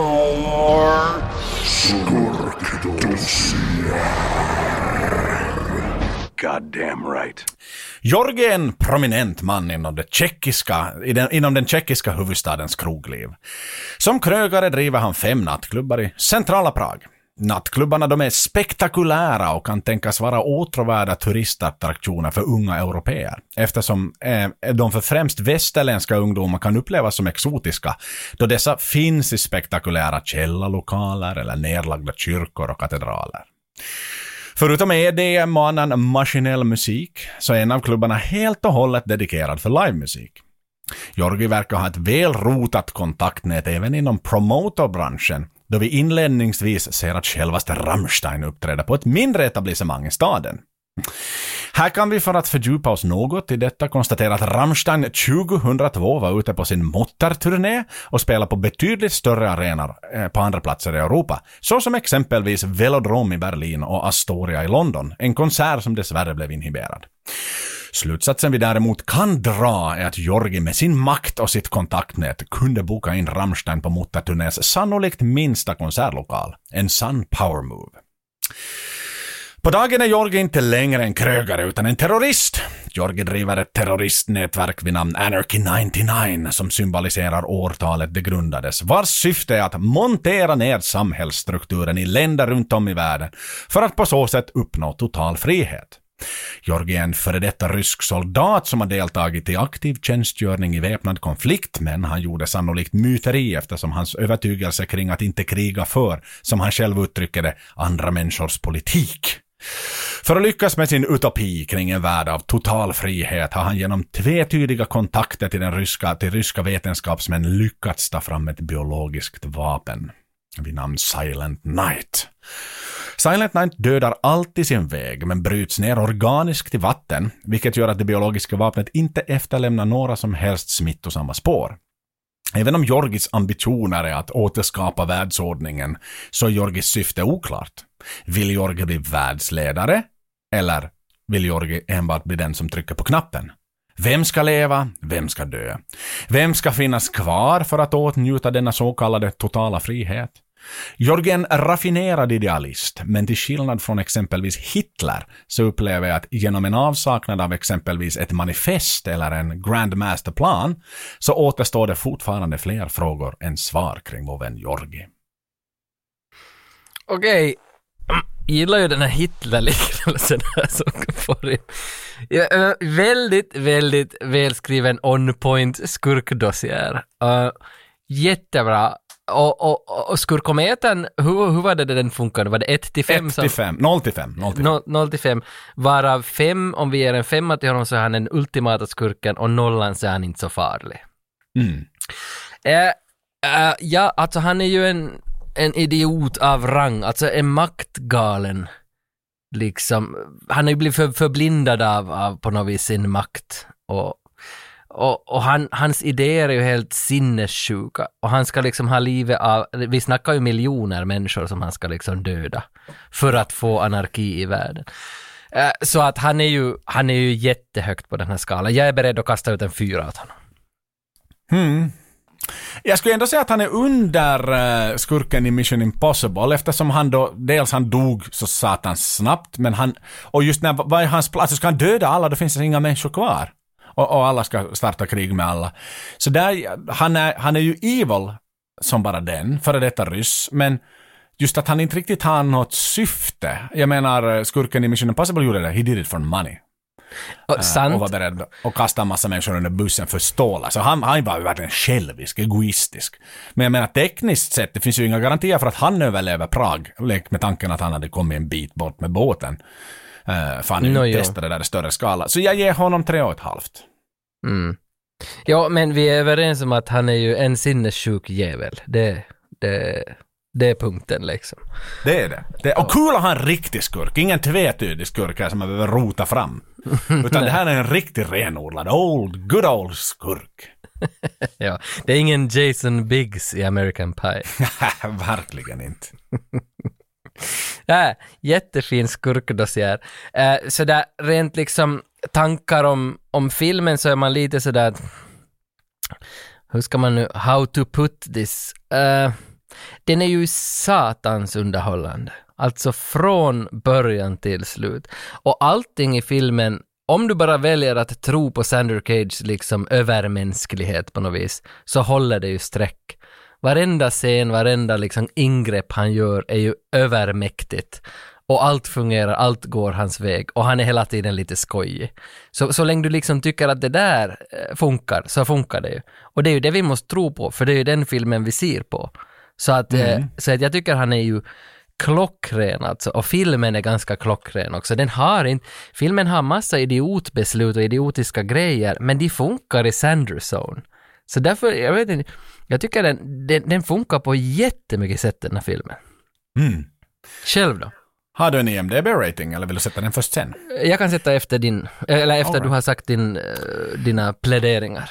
Nej men så här, jag har inte varit så här imponerad hittills i podden, måste jag säga. Det här är en film jag inte har sett sen vi såg den på bio för, för över 20 år sedan. Jag var lite så här, jaha, okej, Vin Diesel, aha, okej. I väntan på nästa film som vi gör, äh, som alla numera vet vad det är. äh, för det är en film som ni har röstat fram. Det blir, det blir The Rock som är liksom the movie of the movie. Så jag tänkte okej, okay, men det blir förbandet till The Rock det här. Men fan vad jag var imponerad av den här filmen. Fan vad jag var nöjd när den var slut. Och, och vad jag liksom... Jag vet inte om det då var inställningen till det här, att jag hade liksom noll inställning. Liksom. Jag minns någonting, att det var det var mycket fartfyllt. Och jag, det var ju därför vi tog den här. Jag ville ha, vi har gjort två stycken lite så halvsläpiga filmer, så nu vill jag ha en riktig fucking actionfilm, 9606 signature movie. Och jag är så förbannat imponerad och jag var så glad. Alltså jag är benägen att ge den här en full 10 IMDB. Men, men, men, där vill jag bromsa mig själv. För att i våra IMDB-mått mätt, är det här 9606-skalan eller är det här den riktiga filmskalan? Det är där jag vill fråga dig först.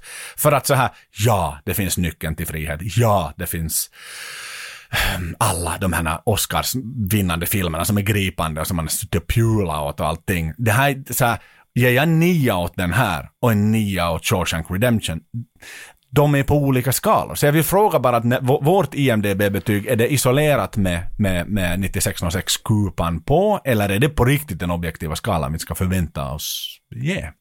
Uh, nej, alltså det, jag skulle säga att alla betyg som vi ger så ger vi som Coma Cop och Mike Foxtrot inom ja. segmentet 9606. Vi kan inte börja bedöma den här med några andra, utan nu, nu jämför vi den här med andra filmer som är gjorda Tack under de här åren. för klargörandet. Ja. Nej men, yes. what the mm. fuck? Jag slänger blärrin på bordet och kastar fram en nia. Inget snack om saken. Bästa filmen vi har gjort hittills. Punkt. En nia, är det det du ger? Yes. Okej. Okay. Uh, eh, jag är beredd att höja betyget. Jag tyckte också att det här var som det mest fantastiska sen vi såg Double Team.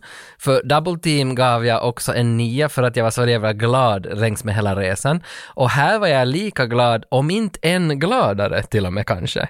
Så att jag är beredd på att höja betyget till 9,5. Här fanns oh, no oh, några oh.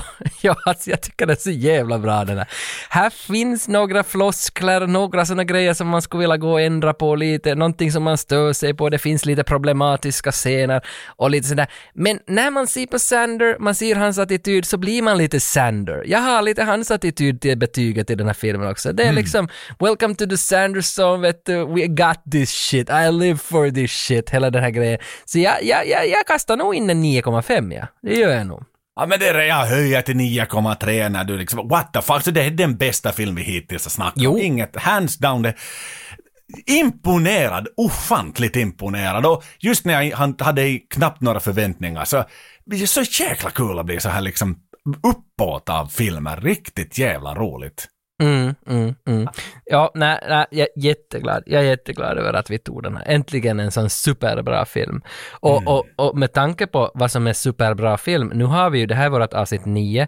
Vårt nästa avsnitt är avsnitt 10, vilket då blir en form av ett jubileumsavsnitt för den här podden. Vi har kommit så långt som 10 avsnitt. Och därför gjorde vi då så med det här jubileavsnittet att vi satt ut en bild på internet där vi fotade fem stycken VHS-kassetter som vi har fått in av våra lyssnare. Och de kassetterna var Pearl Harbor, Saving Private Ryan, Road Trip, Gladiator och The Rock. Och så bad vi er, glada lyssnare, ge röster på sociala medier. Vilken film ska vi välja som vårt tio års, eller tio år, tio avsnitts jubileum? Precis. Och nu kan jag räkna rösterna här åt dig. Uh, rösterna har fallit på följande sätt. Pearl Harbor fick noll röster. Nämen. det var lite synd.